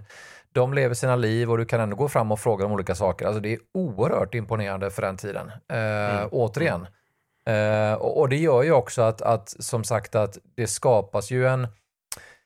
Man liksom kommer ganska snabbt in i den känslan, tycker att det skapas en trovärdighet eh, som, som idag är cool, men, men som då var helt mindblowing. Eh, verkligen. Eh, man, ska, man ska ju tänka på det också, att, att ehm, ett spel i eh, eh, alltså, så någon slags förstadie av open world-spel så var ju det här en pionjär. Alltså vi snackar eh, två år tror jag ungefär före. Det, jag skulle säga allmänt sett så brukar man väl säga hålla eh, Mafia och GTA 3 som de första liksom eh, bästa exemplen på eh, så mer eller mindre open world-spel då. Och det här är två år innan. Eh, mm. Två år innan dess. Mm. Eh, och du kunde i princip då gå vart du vill eh, om du ser det i det här spelet. Eh, med vissa begränsningar då, som att du kan inte klättra upp för alla berg och du kan inte simma hur långt ut i vattnet som helst och så. Men, men och sen är det alltså sex individuella världar som du mm. reser mellan. Så det, är så här, det är verkligen som, som den här eh, memen på, på gubben med glasögon som mind blown. Mm, det är liksom, mm, det, det, är mm. så, det är så och, och, det, har vi inte, det har vi inte gått in på, det måste jag ju säga. Det, det, som, det var mycket av det som, som jag och Johan Martinsson hade som en av våra eh, ska säga, hållpunkter eller, eller liksom, eh, stolpar inför det som vi ville då skulle bli. Vi hade tänkt åka till, till Belgien, jag eller han, mm. och eh, prata med, med Juve och company där liksom, om, om det här. Och då hade de Big Ben Interactive tror jag som utgivare och då höll de på med sin Kickstarter så att deras PR-nissa var inte alls intresserade av att vi skulle komma dit och, och prata om Outcast 1 förstås. Mm. Uh, så det rann ut i sanden. Men, men en av våra liksom stora grejer det var, det var just den här lite, ska man säga, uh, den var kvasi, kvasi-filosofiska frågan hur kunde ett team som bestod av visserligen personer som hade jobbat med, med animation och, och, och teknik och kodar och sådär, men de hade ett spel bakom sig innan som inte mm. så var något särskilt. Och sen har jag sett för länge sedan, jag grävde faktiskt lite efter den, men jag hittade inte den. Det finns, om jag minns rätt, någon slags Xbox Tech-demo som såg rätt bra ut, men som, som det var inte så mycket man gjorde där. Men hur kunde liksom det här teamet med som inte var särskilt stort och som med största sannolikhet inte var särskilt kapital, kapitalstarkt heller. Hur kunde de liksom tillverka någonting på den helt sinnessjukt höga, höga nivån? Alltså, eh, man pratar om one hit wonders inom musiken och sådär, så du gör ju liksom inte bara eh, jag, skulle till och med nästan påstå att det är mycket enklare att göra en eh, musik, eh, eh, eh, göra en låt som blir en riktig slagdänga. För att har du tur så kan du liksom hitta en bra hook och sen så kanske den liksom bär låten igenom. Men ett spel som är så otroligt komplext. Eh, det, det, är liksom, det var både för mig och Johan när vi satt och pratade om det, så det är helt obegripligt liksom, hur man kunde, man kunde göra det här spelet under ungefär fyra år, som blir liksom helt fantastiskt. Och sen så, man, man typ så har gjort ett spel innan, liksom någon liten skvätt som inte blev så bra. Och sen så från det så går man liksom så tillbaka till att inte göra någonting eh, alls i princip. Alltså det, det, det är liksom så här, eh, det måste ju vara en av spelhistoriens största one-hit wonders eh, historia liksom. Eh, det, det, känns väldigt konstigt eh, hur man liksom lyckades med en sån formidabel fullträff på något sätt liksom, och sen i princip inte har gjort någonting av värde vare sig innan eller efteråt. Mm. men eh, ja, det, det, det, det finns vad gäller eh, om man ska säga till spelets synopsis och, och liksom hur, eh, hur storyn är, så finns det en sak som jag i alla år egentligen har tyckt varit ganska konstig, som jag kanske håller som någon slags blandning av svaghet och eh, hommage kanske, eller svaghet och, och, och, inspiration eller, eller stöld. Och jag kan inte påminna mig att jag någonsin har sett, eller i alla fall extremt få tillfällen har sett att spelet har uppenbara likheter med Stargate. Eh, alltså den gamla filmen och eh, halvostiga sci-fi-serien. Mm. Där man då har portaler som ser ut precis som de här gör i spelet eh, till mellan olika dimensioner där det finns då en, eh, vad heter det, indigenous, alltså eh, lokala invånare. Eh, och liksom en annan Urinvånare. Ras. Urinvånare, eller ja. Och, och, man reser liksom mellan olika världar som liksom pendlar mellan eh, som arabiskt och, och eh, medeltida inflytande och, och, alla de här sakerna. Och, och, alla de här skrifterna då i Stargate så är det mycket egyptiskt, eh, egyptiskt eh, inspirerat. Eh, de här Ra och, olika stavar och inskriptioner och sådär. Alltså mm. Outcast är jätte jättelikt det. Och så har man då de här kommandosoldaterna, liksom, som, eller någon, en är då kommandosoldat och det någon forskare och sådär. Mm. Och även i Outcast då så har du ju liksom då Cutter som är, som är kommandosoldat och sen så finns det då en, en, eh, en kvinnlig kollega som är forskare slash kommando och så har du ett par olika forskare. Uh, det, det är jättemånga likheter. Mm. Mm. Och, och, dessutom då under samma tidsperiod. Så att någonstans så finns det ju en, en uppenbar inspirationskälla där som man, liksom, man har kanske inte velat tala så högt om. Uh, och, och, man kan se det som, som hommage och man kan se det lite som, som lite väl mycket lån.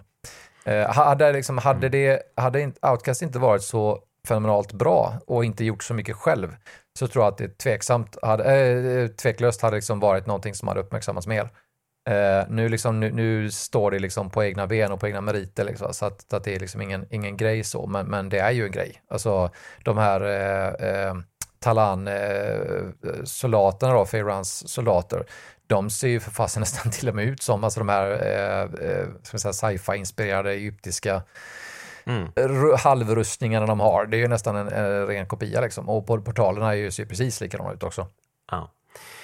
Uh, men, ja, eh, men uh, alltså så här, man behöver ju, det är ju väldigt, väldigt svårt att vara unik i, i dagens klimat kulturmässigt. Alltså allting är ju influerat av någonting annat. Och det tycker jag spelar ganska liten roll egentligen, att man, att man ser sådana liksom, um, likheter mellan olika saker. Det är ju framförallt det de har gjort här, det här framför allt är det ju, framför allt är det ju dialogerna mellan personer man kan träffa och hur välskrivna de är och hur de öppnar upp för tolkandet av världen som är otroligt imponerande tycker jag. Um, sen, ja, alltså sen är ju liksom själva gameplayet är ju inte jättekul. Uh, rörelsehastigheten är ju, den är ju subpar får man ju säga. Alltså det känns ju som man går i uh, i lera nästan. och det är ju det är både trevligt och lite märkligt att alla skott går i slow motion så att man kan se dem och typ ducka för dem. mm. det, det, där, det där är, eh, till delar håller jag med. Eh, jag, jag för mig att jag tyckte att som sagt striderna var, var, var liksom inte dess eh, främsta eh, grej ens då. Mm. Eh, men återigen, det var Eh, jag skulle nästan vid tillfälle vilja gå tillbaka, jag kan göra det efteråt för att jag blir lite nyfiken, på om det, det fanns säkert något, men, men vad det fanns för en, eventuellt för actionäventyr på den tiden som liksom hade riktigt bra strider, för att jag tror de är lätträknade alltså. Men, men vilket som helst, eh, det, det, det, reflekterar jag även kring det, liksom, att, att de här slow motion skotten och allt det här. Liksom. Och, men mm.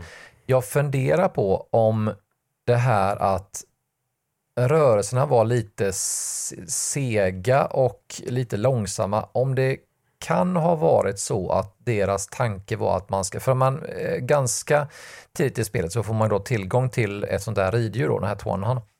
Eh, och, som ser ut som en uh, Tonton från Star Wars typ. Uh, ja, det är inte mer helt, inspirationskällor. inte helt far off. Det, det, det, är liksom, det är någon slags Star Wars blandat med, med någon tapir uh, och känguru typ. Ja. Mm.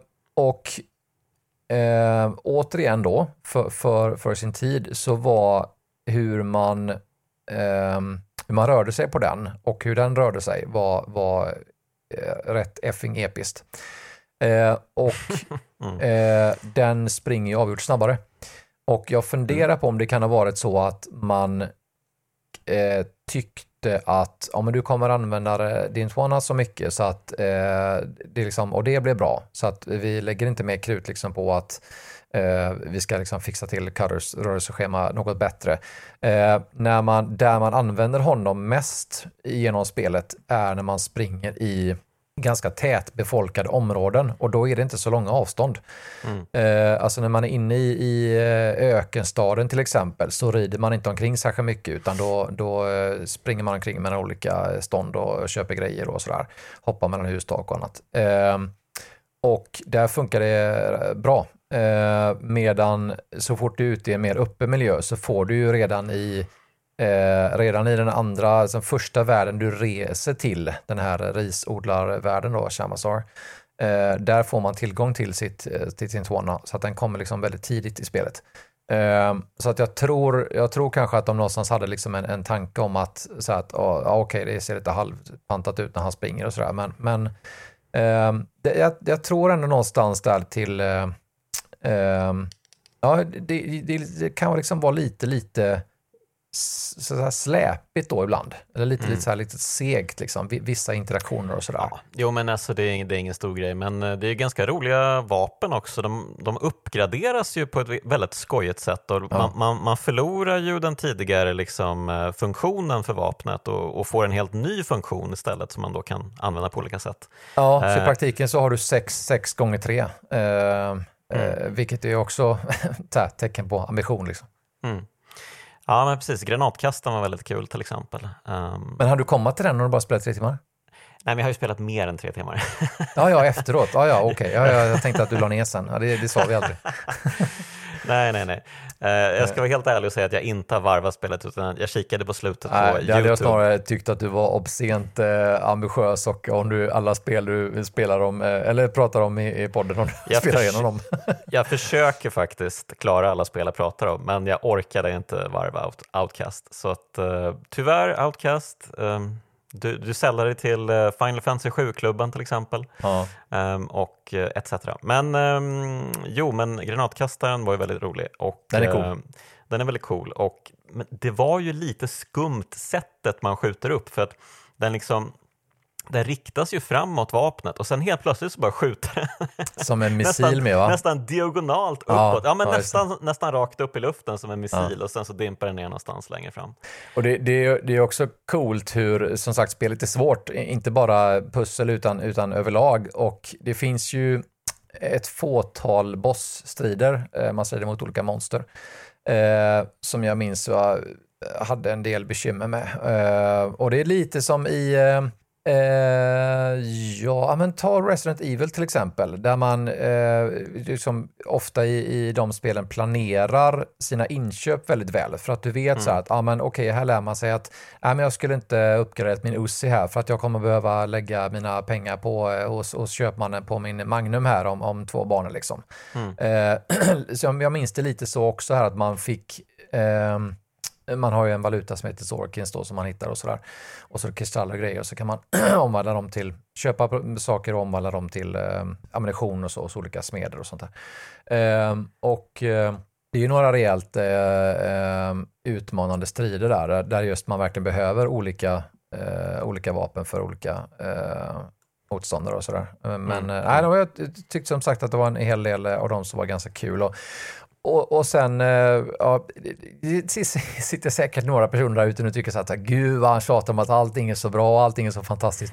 Men eh, måste ju också beröra lite det här att, att just eh, bredden och ambitionen är så jäkla cool. Alltså, om man, allting som vi har sagt hittills då, alla bra saker, så här, alltså, till exempel i i din eh, arsenal då, eller utrustning, alltså dels uppgraderbara vapen eh, Eh, som, som är ganska väsensskilda också. Liksom. Det finns ju allt ifrån liksom, eh, raka skjutare till, till väldigt långsamma eh, eh mer ja, granat, nästan missilaktiga granatkastare och sådär.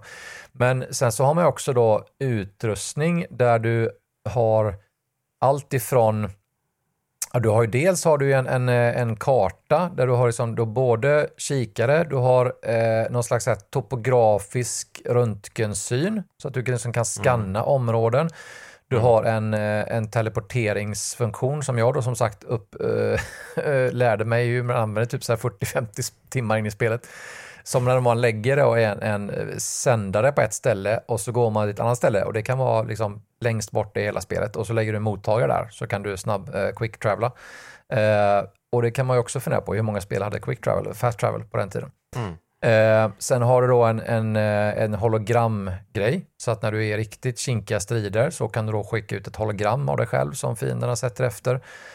Eh, eh säkert glömt några saker, men det, det är så här, det, det, är liksom bara, det tar aldrig slut. Alltså, nu var det här 99 och eh, inte ens en sån gigant som Jocke Benett hade kanske nått sin peak vad gäller skrivförmåga och, eh, och mognad som spelskribent. Var, var ju tidigt även för honom, men av alla texter jag läser av honom så är det här definitivt den recensionen en av dem som innehåller särklass flest superlativ. Han kommenterar det själv till och med, även om det är länge sedan, så liksom att eh, Ja, jag inser att eh, det är bara massa superlativ i den här texten och det är makalöst och fenomenalt och eh, legendariskt och så. Men jag, jag står för vartenda ett liksom och så att det, det måste liksom.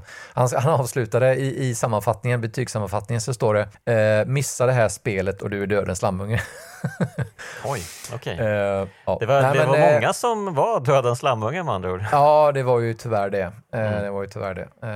Men nej, men det, det, och det, det, är ju, det här är ju någon slags uh, lite så här heaven and hell-grej med sån här podd, att en del av charmen är ju på något sätt att få människor att kanske känna nyfikenhet och, och väcka intresse för saker som de antingen har, har, har upplevt och glömt eller kanske liksom inte har fått ta del av alls. Och där är ju eh, tyvärr då också lite grann förbannelsen att du kan ju aldrig få samma känsla och uppleva samma sak eh, decennier senare som, som man fick när man spelade då. Och det är som sagt, det är nästan, ja, tidsbrist är ett annat, men det är mitt största skäl till att jag oerhört sällan plockar upp gamla spel och spelar om dem är för att jag vill behålla mina minnesbilder av, liksom, av Deus Ex och Outcast och första Shogun, Total War och Max Payne och allt vad det heter. Liksom. För att du blir ju alltid besviken när du spelar om dem. Mm. Eh, långt senare, åtminstone jag. Eh, men, eh, men med det sagt så, så eh, tycker jag inte att man behöver spela särskilt länge för att se eh, alltså, många delar de uppenbart, alltså uppenbara delar som, som visar liksom på hur, så här, oj, eh, alltså ä, även om man är yngre, så menar, spelar du några timmar i det här spelet så kommer du att se saker som att om du jämför det med spel som gjordes kring millennieskiftet så inser man ju ganska snabbt att vad fasen, det här kan ju inte ha varit vanligt då och det var det ju inte heller. Det var ju liksom, ja men det går ju, går ju att räkna kanske på liksom Hannes egna fingrar liksom, eh, spel som, som lyckades åstadkomma vad det gjorde på så mm. många olika vitt skilda områden som det, som det gör. En sak som jag tyckte var väldigt imponerande med tanke på att det är liksom en öppen spelvärld och man går runt och, och eh, alltså själva basuppdraget är ju ganska basic. Man ska hitta ett gäng McGuffins som gör att man kan låsa upp något supertempel och ta sig in och eh, konfrontera den galne vetenskapsmannen helt enkelt. Men eh, det finns ju faktiskt sidouppdrag i spelet och eh, de är ju väldigt intressanta egentligen. Och det finns ju några som då handlar om att man kan påverka trupperna i världen på olika sätt. I den första världen, Shamazar, då kan man ju faktiskt eh, ja, skära av risproduktionen För det, det, är ju, det är ju liksom en värld eh, där risfält helt enkelt, det, hela världen består ju av risfält egentligen. Och eh, om man lyckas prata med en snubbe och eh, övertyga personen om att eh, ja men kom igen, du, gör det här för mig nu. Det är klart att vi skär av risproduktionen så att trupperna inte får lika mycket mat och inte är lika de inte har lika mycket guys när de anfaller. Ja, men det blir helt enkelt lättare att möta fiender om du gör det här sidouppdraget. Det är ju briljant. En ja. sån grej hade man ju aldrig sett eller aldrig tänkt på ens tidigare.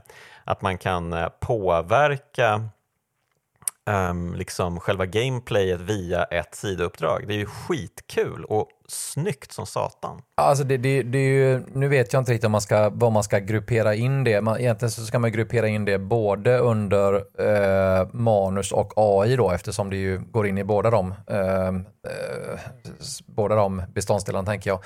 Men, men det är som sagt, det, det, är, det är på många sätt så mindblowing alltså. Eh, det, jag, jag, jag, när jag spelade häromdagen så, ja, det är ett gäng år sedan jag spelade Second Contact då, eh, en stor del för ett gäng år sedan. Så här, men jag, jag fick, eh, jag har spelat ganska mycket The Division eh, själv, framförallt tvåan.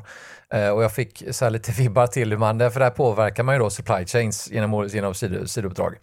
Och, mm. och, det gör man ju i princip här på, på ett lite, eh, lite mer eh, ska säga, äventyr och rollspelsaktigt sätt än på, inte lika mycket eh, FPS-aktigt sätt som man gör i Division då, men, men eh, samma resultat ändå liksom. Och, och som sagt den här eh, AI, hur den samspelar med att alla personer har liksom en, en individuell agenda. Eh, och, och jag tror att du kan prata med 100 procent. Uh, ja, inte, inte soldaterna, uh, för de skjuter så fort de ser dig, men, mm. men uh, alla bybor. Dessutom, det har vi inte ens sagt, men apropå AI och saker som är imponerande, mm. så sex världar, som sagt. bara det är ju sjukt coolt och ambitiöst, som ser mm. helt olika ut. Det är träskvärldar och det är liksom snö och fotspår i snön, knirkande ljud när man smyger i snö, mm. krusande vattenyta, eh, som man kunde simma ner under och så vidare. Och så vidare. Eh, också sådana saker. Men mm. dessutom så är spelet helt olinjärt. Eh, du kan göra vad du vill, du kan gå igenom vilken portal du vill, när du vill, du kan ta saker i vilken ordning du vill. Det enda som händer är att du kommer inte klara av många saker för att du har liksom inte fått tillräckligt mycket bra vapen och fiender blir för svåra och, och sådär. Men, men upp, alltså en hel del av uppdragen kan du ta i vilken ordning du vill.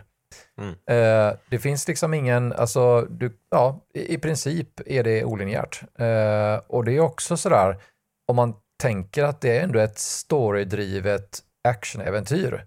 Så att med sex världar, så att, liksom att lyckas få det att hålla ihop med att du liksom kan resa till värld 3 och där ändå hitta uppdrag. Och det finns ju vissa Eh, tror jag i alla fall, för nu så länge sedan jag spelade in hela spelet, men det finns nog vissa eh, eh, saker som, eller det gör det, som triggas av att andra saker har hänt. Du kan inte liksom resa till eh, värld 6 och ge dig in i slutstriden med bossen givetvis, för att det finns ju miljard saker som ska ha hänt innan dess. Mm. Men, men liksom när det gäller eh, mer, eh, börja prata med bybor och göra liksom sidouppdrag och liksom eh, olika quests och hjälpa folk och uppgradera vapen och liksom träffa folk och allt sånt där, det kan du göra liksom hipp som happ. Mm. Um, ja. ja.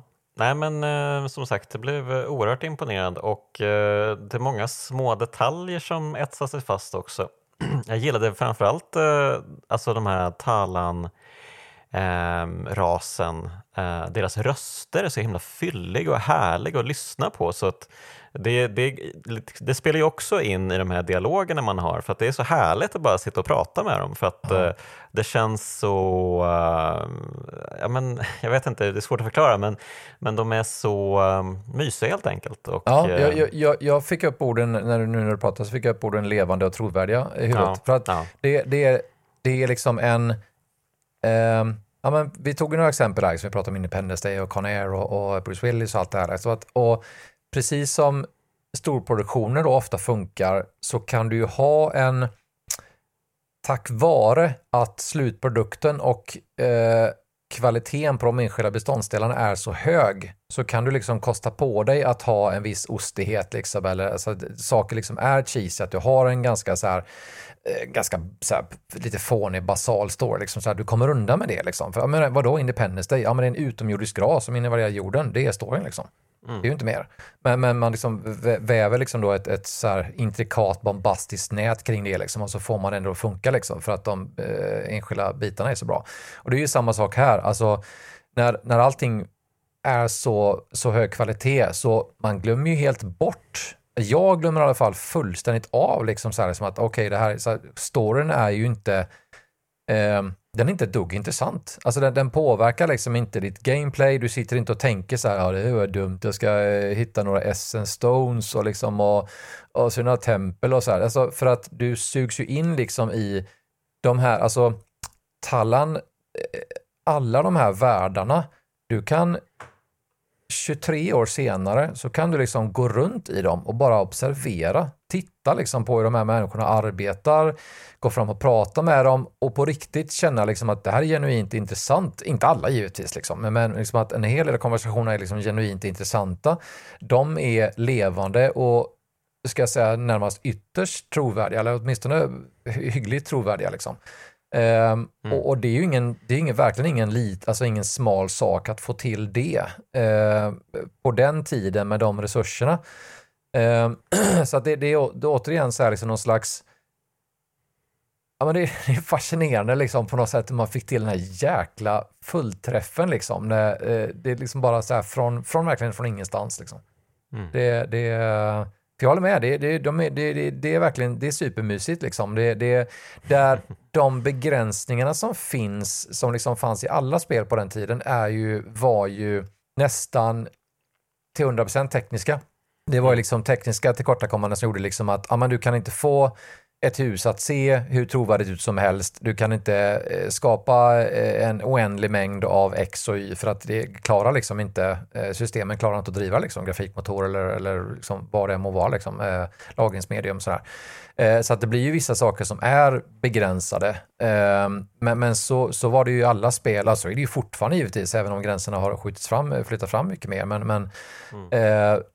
det, är liksom, det är sällan, ska man säga, det är sällan de, de delarna som spelet består av. Det är liksom inte där så mycket det brister, utan det är liksom helt enkelt att där, där gränsen gick för vad man kan göra på ett rimligt sätt. Liksom.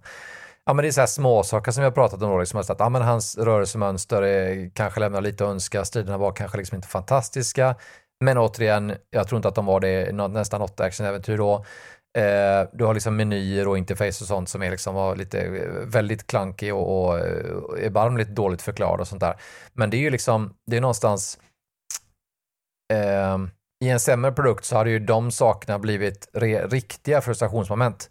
Och i mm. sånt här spel så sitter man och känner liksom som, åtminstone, ja, nu har jag ju kanske lite fusk då för jag har spelat det förut flera gånger, men, men man sitter ändå och känner så att ja, men man, man kan leva med det, man tar sig igenom det för att man vill se vad som händer. För att spelet är så bra, liksom, så att man känner så att ah, okej, okay, det är inte hela världen. Liksom, att jag, vad gör den här grejen då? Jag har ingen aning. Jag prövar. Um, och, och, ja, men det, det, det, det, har väl flera sagt när man sitter och pratar om, vad pratade du med Jakob när ni pratade Elden Ring, det tre timmar? Var det? Aha, ja. um, att när man, när man har en sak som um, ska man säga, det blir nästan lite tjatigt för att du kan ju inte, eh, om man inte bryter ner saker i, här, i, i, minsta lilla del och analyserar dem, så blir det nästan lite så här som jag sa om alla superlativ förut, att efter ett tag så känner man så här att okej, okay, men nu har vi liksom, eh, nu har vi sagt att så här, typ, allt är fantastiskt, punkt slut, sådär. Eh, men, men jag tycker kanske att det är just det som är så oerhört imponerande, dels är det här One It Wonder-faktorn givetvis, eh, men det som eh, kanske imponerar mest tycker jag, det är just att, eh, att dels att lägsta nivån för de sämsta delarna är så hög, men framförallt liksom att nivån på i stort sett varenda beståndsdel i spelet är ju nästan närmast en, eh, en, en bar racer, liksom, alltså en nivå högre än alla andra spel då ytterst få spel som liksom var bättre på de flesta av de delarna som fanns i Outcast. Eh, och att få in alla de delarna på den nivån i ett och samma spel.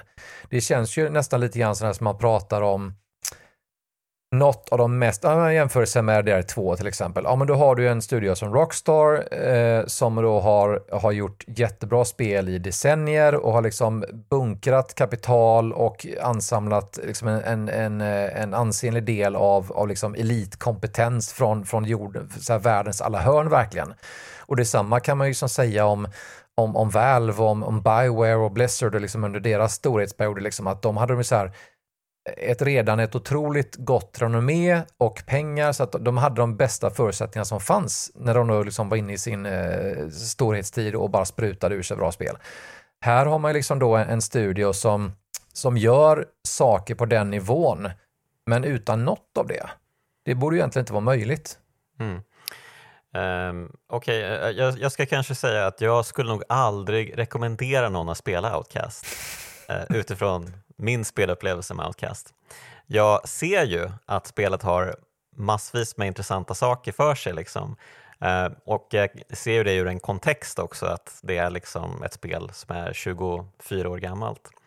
Men uh, jag skulle nog inte rekommendera uh, kreti och pleti att ge sig på det här spelet. Men som vi var inne på i början så kommer det ju en uppföljare Uh, kanske till och med redan i år. De har ju faktiskt uh, sagt uh, 2023, men mm. vi får se. Det brukar oftast skjutas upp det där. Men, och det här är ju då liksom uh, Cutter Slade återvänder till Adelpha och det är mycket, mycket snyggare allting och han har ett jetpack, han flyger runt i världen och kan utforska på helt nya sätt. man kan skapa um, typ egna vapen, det verkar också vara något konstigt system där. Eh, och världen är precis som i ettan icke-linjär och sådär.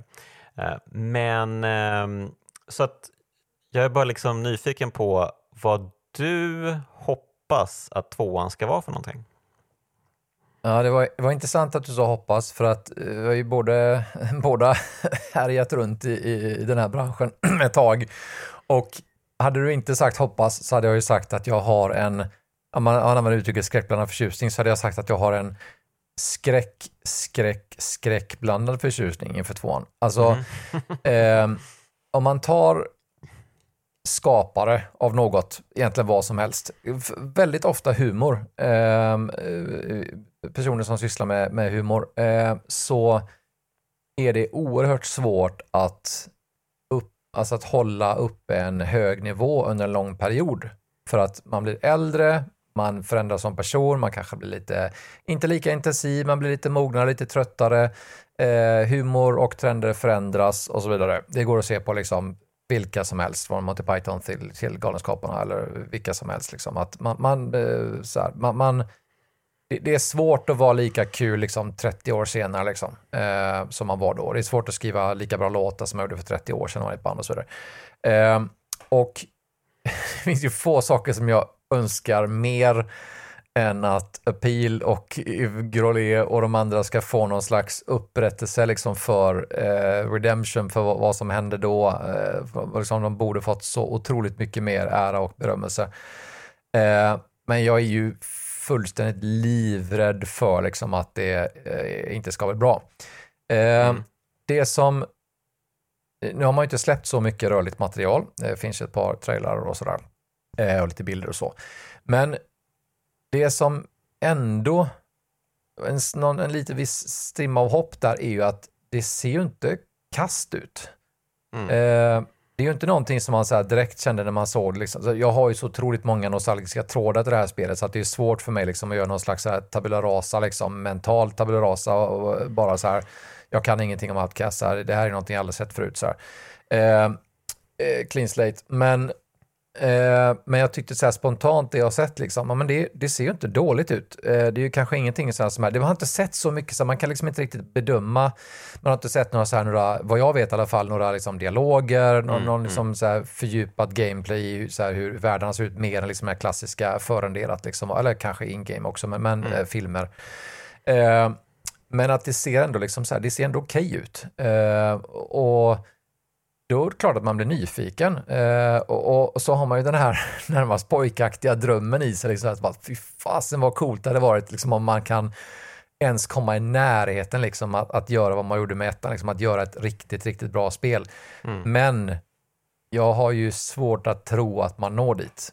Eh, och gör man det, då borde ju, då borde ju fasen det vore ju Grolé få någon slags Nobelpris. Liksom. Man, man kan så här, göra, så här, komma tillbaka liksom, 25 år senare och göra liksom, ett svinbra spel igen. Men, men det är någonstans...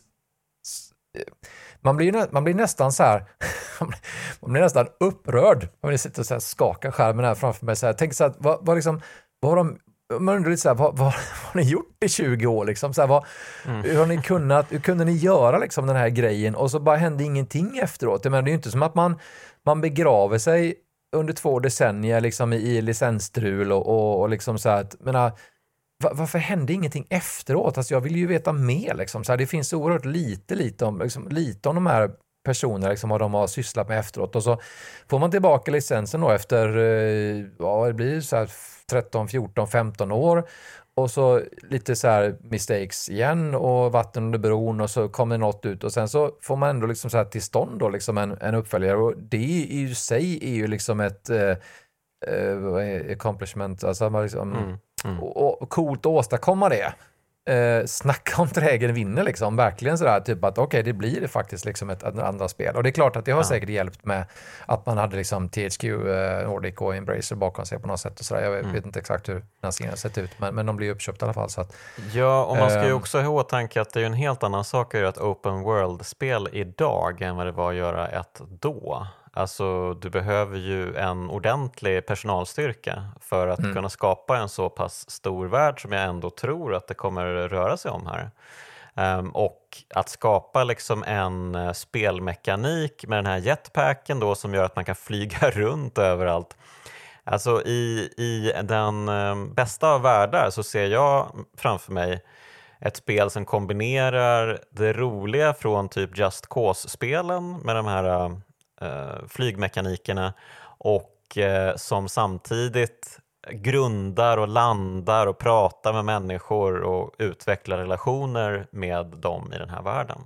Jag hoppas ju verkligen. Jag, eh, jag du, har kanske, du har kanske läst på mer om det. Jag, jag, jag har inte hört eller sett så mycket om, eh, om tvåan, men framförallt inte den biten. Jag hoppas ju verkligen liksom att man inte i någon slags ska man säga? Det är så lätt om du, om du gör ett, ett spel som har eh, som har stora kvaliteter och hög ambitionsnivå men som inte slår kommersiellt mm. så är det nog oerhört lätt som, som eh, upphovsman att man liksom, okej okay, det här funkar inte, ja men då måste vi, då måste vi göra ett, eh, ett bombastiskt, lättillgängligt, eh, brett eh, dubbel eller trippel A-spel liksom, till den breda massan och vi måste liksom göra ett, ett här, lite fördummande actionspel. Liksom. Mm. Jag menar, Apex Legends är ju svinbra för att det gör det det gör, men det är ju liksom inte ett är ju inte ett storydrivet liksom, rollspel eller actionäventyr. Alltså, mm. vi, jag vill ju inte ha ett, ett liksom pang, boom, clash, eh, bombastiskt, eh, upp, open world-spel helt utan liksom eh, helt utan den här trovärdiga världarna och liksom drivna narrativet liksom med dialoger med, med bybor och annat. Så här. Jag, vill ju liksom, jag vill ju ha den biten. Jag vill liksom mm Mm. Ehm, och, och, det hoppas man ju, för det måste, det måste vara oerhört lätt liksom, att hamna i den fällan. Liksom, Okej, okay, det här funkar inte, liksom. vi sålde skit. ehm, men, någonstans så är det ju, måste det vara fruktansvärt lätt liksom, att hela, den, hela ens kreativa ambition bara faller där liksom, och känner sig att okej, okay, okay, ja. vi kan inte göra som vi gjorde i ettan. Jo, gör det, fast med bättre marknadsföring. Liksom. Mm. Ehm, men så att ja, jag är, jag är ehm, jag är jättenyfiken och eh, hoppas verkligen liksom att det åtminstone ska bli något liksom värdigt arv på något sätt. Och jag ja. tycker som sagt inte liksom att det, det ser inte dåligt ut. Eh, så att jag hoppas liksom att man kan åtminstone få till något, något hyggligt. Eh. Ja, alltså egentligen så är det ju helt otroligt att det blev en uppföljare till det här spelet. Ja, För verkligen. Hur, alltså, det finns ju ingen brand recognition bland någon nästan. Eh, så jag förstår inte hur de ska marknadsföra det. Men det är klart, ser det skojigt ut med jetpack-mekaniken då kanske man kan locka in folk.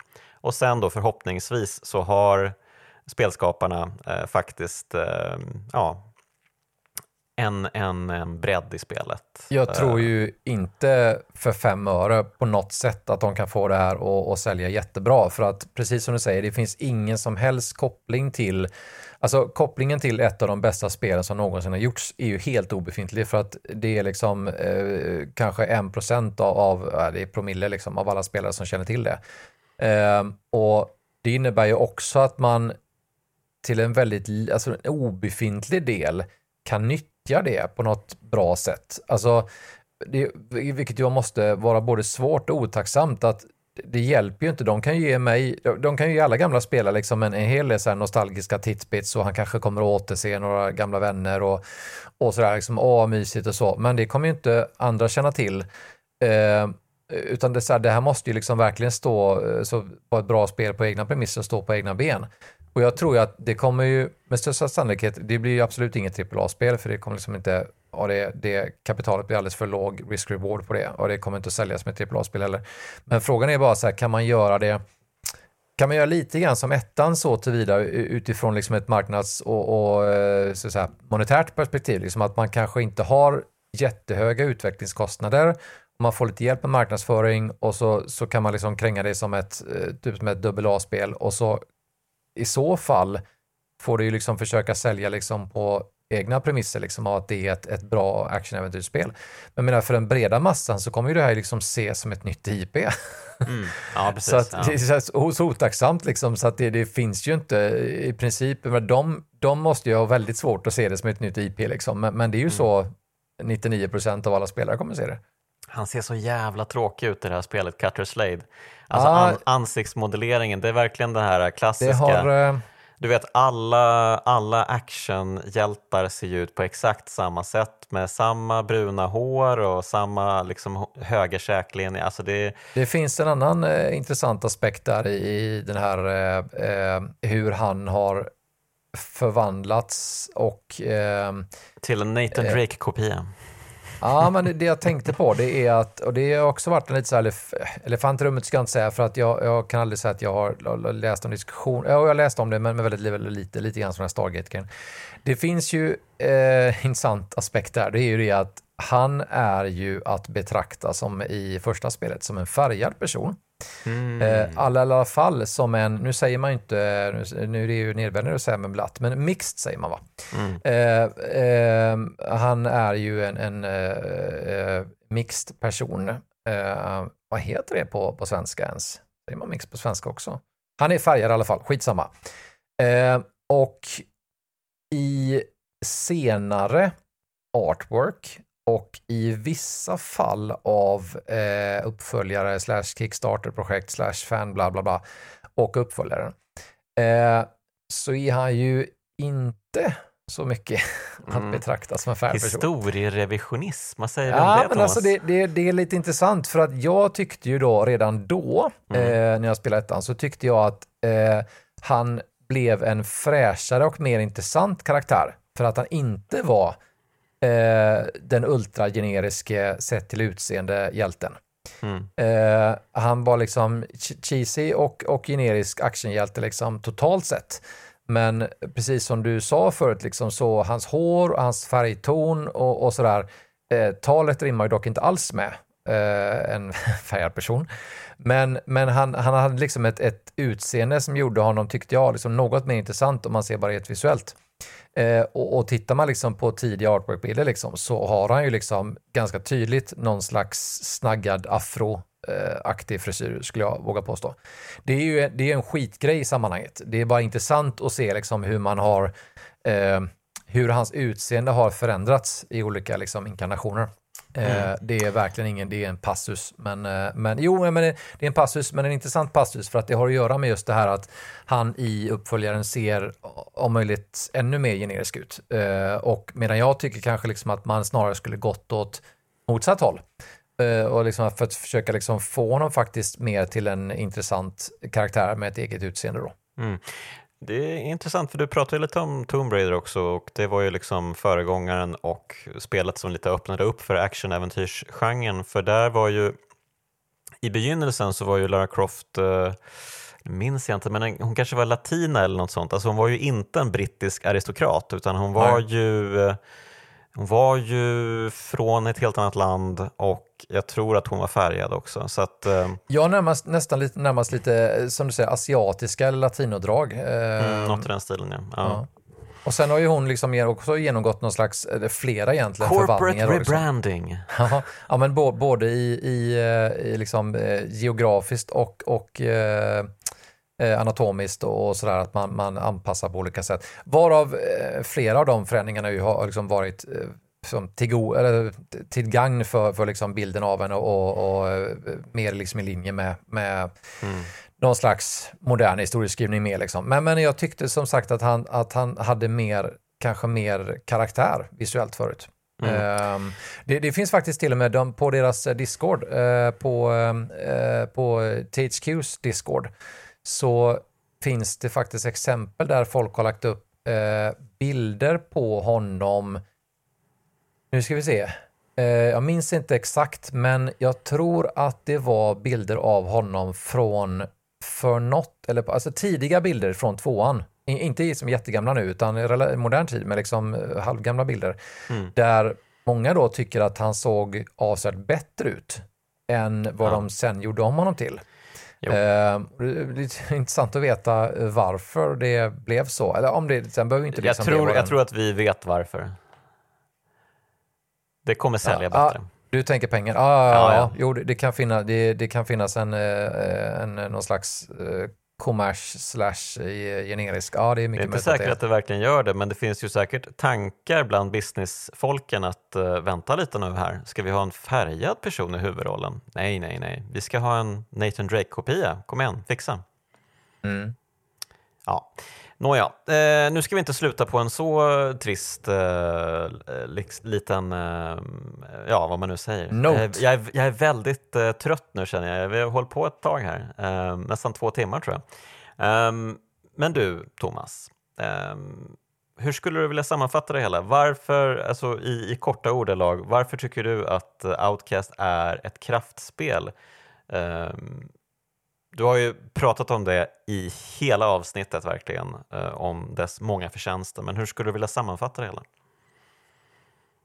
Ja, eh, det, är ju, det är ju ganska svårt eftersom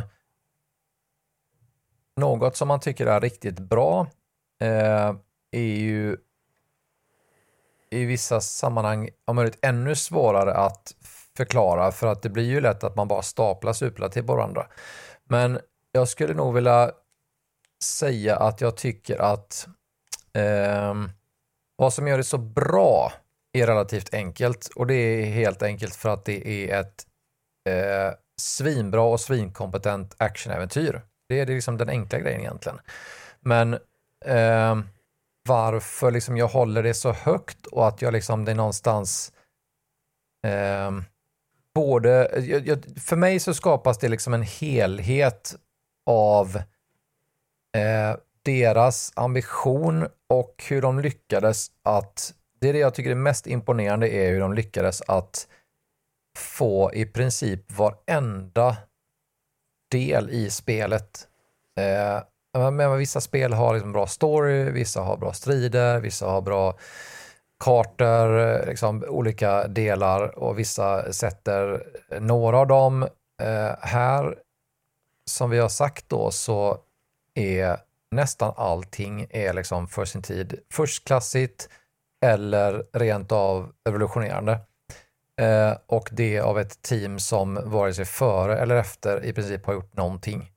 Eh, och det torde man inte kunna hitta särskilt många exempel på i spelhistorien. Eh, och det tillsammans med liksom den fantastiska spelupplevelse i sig själv som spelet utgjorde för mig när jag spelade. Eh, det gör att det liksom alltid kommer vara ett av spelhistoriens tio bästa spel för mig. Eh, oavsett liksom hur klankig det är att ta till sig 2003, eh, 2023. Eh, för att det, det, det är liksom, det, det, jag tycker att för mig så är, så är Red Dead 2 som sagt, det är liksom ett, ett jättebra exempel på ett spel där man på samma sätt kan peka på sak efter sak efter sak efter sak och säga att det här är ju, det här är ju verkligen svinbra liksom. Allt, nästan allt är svinbra. Eh, men den jämförelsen är ju eh, så på många sätt sjukt orättvis till Pils nackdel, liksom, för att de hade inte en bråkdel av den kompetensen och de pengarna. Så hur man liksom, eh, det blir ju, om spelupplevelsen är primär, så är liksom den bakomliggande saken, eh, bakomliggande orsakerna liksom och, och eh, utgångsläget eh, är kanske en sån sak som påverkar mer i efterhand och i förlängningen och i minnet. Jag tror att det, det hela liksom eh, omständigheterna kring spelet är nog någonting som nästan är lika stort för mig, eller det påverkar lika mycket nu nästan som spelet gjorde då. Att, att det blir en helt barock situation eh, som skapas kring det. Liksom. Att det, är, det är inte bara att spelet är svinbra, utan så här, det här skulle ju inte vara möjligt. Liksom. Så att, mm. och, och sen så är det jag gick in på det här förut att jag tycker att det är väldigt svårt att spela. Eh, det är dels svårt att spela gamla spel, men spelar man gamla spel så ser man åtminstone hur de var då. Men att spela remakes och remasters är, är möjligt ännu svårare, åtminstone för min hjärna, för att det blir liksom, som sagt en clash där liksom, mellan det moderna och det gamla. Men mm. om man vill testa Outcast och har svårt för klankiga interface och eh, underförklarande spel och den här gamla apsvåra mekaniken som fanns i 90-talsspelen så kan man ju testa eh, Second Contact som kostar typ ingenting nästan på vare sig på GOG eller på Steam eh, och köra några timmar. Och så kan man försöka man kan kolla på lite gamla bilder om man vill, eller lite walkthroughs. Det finns hela walkthroughs av spel på, på spelet på YouTube och sådär. Och, och kolla liksom på det och så kan man om man vill, om man är retrointresserad, så kan man liksom jämföra det med dåtida spel. Kolla liksom på hur spelen såg ut på den tiden då eh, och jämför med det. Så får man en ganska god uppfattning om på vilken nivå det låg. Eh, jag pratade om, eh, jag nämnde bara kort för ett Black and White. Jag menar, tittar du på Black and White idag så ser det ju skrattretande ut. Och det var ju ett spel som i princip universellt hyllades då som, som fantastiskt på många sätt. Mm. Och det är ju ungefär från, från samma era, eh, eller nästan exakt. Eh, så att, så att det, det, är ju alltid svårt tycker jag att på något sätt ett, ja, men nästan ett kvarts sekel efteråt förklara varför ett spel är ett av de bästa någonsin när så många lätt tittar på grafik. För att det är liksom, eh, alltså Outcast var, det kan finnas några få som kan mäta sig, men i princip så var Outcast det snyggaste spelet som fanns överhuvudtaget, 99. Och det har vi inte ens sagt under de här två timmarna. Det har vi inte ens berört liksom. Um, och, um, så, så, att det blir så här, man, det blir som att man staplar liksom så här grädde på moset, grädde på moset. Liksom att det, det, det, det är liksom, det är så svårt att och liksom på något sätt så här, få folk så här, fattar ni liksom hur imponerande och sjukt bra det här var? För jag, jag, tror inte att, jag tror att det är oerhört svårt att göra det. Men jag har åtminstone försökt nu under en timme och tre kvart och, mm. få folk att, att, göra det. Um, en sak jag inte vet om vi faktiskt har sagt är ju att med den här voxel eh, och polygongrafiken, det gör ju att the draw distance är så otroligt magnifik. Alltså man ser så otroligt långt bort i den här världen och allting ser skarpt ut. Um, om man jämför med andra spel från den eran så ser ju allt ut som en dimma liksom längre bort. Platt och, och eh, kort, det, det, det, dog liksom. Allting dog ju efter 50 meter liksom, för att ah. polygoner kunde inte, orkade inte rendera det. Mm. Men här får du liksom vistas. Du får liksom solnedgångar och allt möjligt. Liksom. Ja, och, och det är också, eh, nu har ni hört mig säga tusen gånger så här, liksom att det är imponerande och, och coolt och så här, och det vet ni redan, men eh, det är också intressant att jag har aldrig varit en eh, person som intresserat mig för teknik, vad som finns under skalet. Jag är intresserad av att använda teknik, liksom det, det som man gör med det, men jag är inte intresserad liksom av, av processorer och, och kiselgrejer och allt sånt här. Eh, men jag har ju förstått så mycket som att man använde en hybrid av, man, man, säger då lite, lite slarvigt, eh, har jag lärt mig då eftersom jag gillar Outcast, att eh, det var voxelbaserat. Och det är bara halvt sant då. Om man är med nörd, nördar ner sig så finner man då att det är någon slags blandning av eh, att man la, man använder liksom voxlar i grunden på något sätt och sen så la man då liksom typ som jag tänker mig texturpaket av polygoner på det här. Och då gjorde det att det blev mycket, alltså det var extremt lättdrivet. Du kan alltså spela det snyggaste spelet som fanns eh, på hela marknaden, kunde du spela liksom på en, på en eh, potatis liksom, för att det var sjukt lättdrivet. Eh, vilket det är bara att sälja sig till ytterligare alla de sådana här superlativ som check, check, check liksom.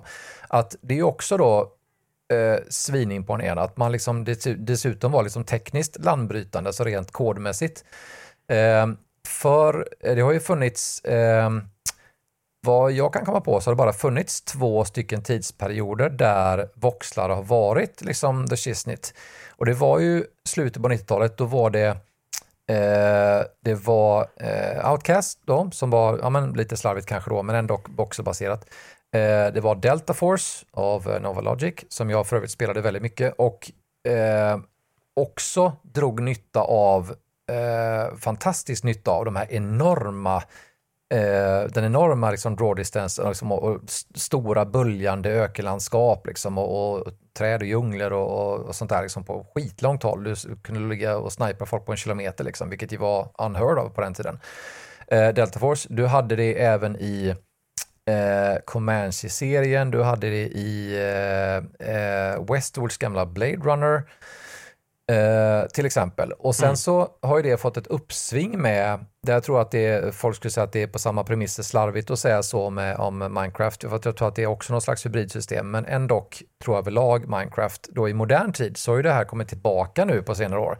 Teardown, eh, svenska Dennis, eh, vad heter de, eh, Tuxedo Labs, eh, fenomenala spel, är väl voxelbaserat tror jag. Eh, eh, och Minecraft och flera andra eh, har liksom så säga, återupptäckt liksom den här tekniken då i takt med att indiespel fick sig ett sånt uppsving att man liksom kom fram till att säga, ah, men en bra spelidé behöver liksom inte alltid ha eh, top notch-grafik liksom och, och vara svindyrt, utan har du bra spelmekanik så funkar det då. Men på den tiden, precis som du säger, så, så var det ju liksom eh, verkligen som sagt en draw distance. Det, det, det, var väl så, tror jag, att polygoner är väl bättre på att göra detaljerade ytor, alltså mm. ansikten, eh, interiör i, eh, in, in, i hus, eh, bil, detaljerade bilar kanske och sådana här saker. Liksom gör ju polygoner bättre för att de är ju mindre. Mm. Eh, det blir mer detaljrikt då. Men, men på liksom avstånd så, eh, som sagt, det här var ju ett spel där du i princip då kunde eh, gå till det du såg. Liksom. Mm. Ja, och just nu så har vi kommit till vägs ände, Thomas Pettersson. Nej! Precis när du börjar komma igång här. Ja, precis. Eh, men hörru du, eh, det var jättekul att prata med dig och stort tack för att du var med i Kraftspelen. Detsamma. Och eh, kids där ute, eh, gräv upp allting ni kan hitta på Outcast nu och eh, gör er röst hörd på olika plattformar som den eminenta podcasten finns. För jag vill höra vad ni, vad ni tycker också. Ja, ett stort tack till er som lyssnat, precis som Thomas är inne på här. Och eh, ja, visst, interagera med podden på de olika sociala kanalerna som finns, Twitter, Instagram, Facebook. Ehm, och är du inte en Patreon, bli en Patreon. Alla blir glada. Eh, framförallt blir jag glad. Ehm, och ni som är Patreons, ett stort, stort, stort tack till er. Ehm, och ett stort tack kanske till Jakob Svärd som faktiskt har skjutit upp eh, Patreon till, till skotten ganska rejält. Um, och uh, ja, och även ett stort tack till de finfina pojkarna i Bitpopbandet 047 som gör musiken till Kraftspelen. Hörni, vi hörs igen nästa vecka.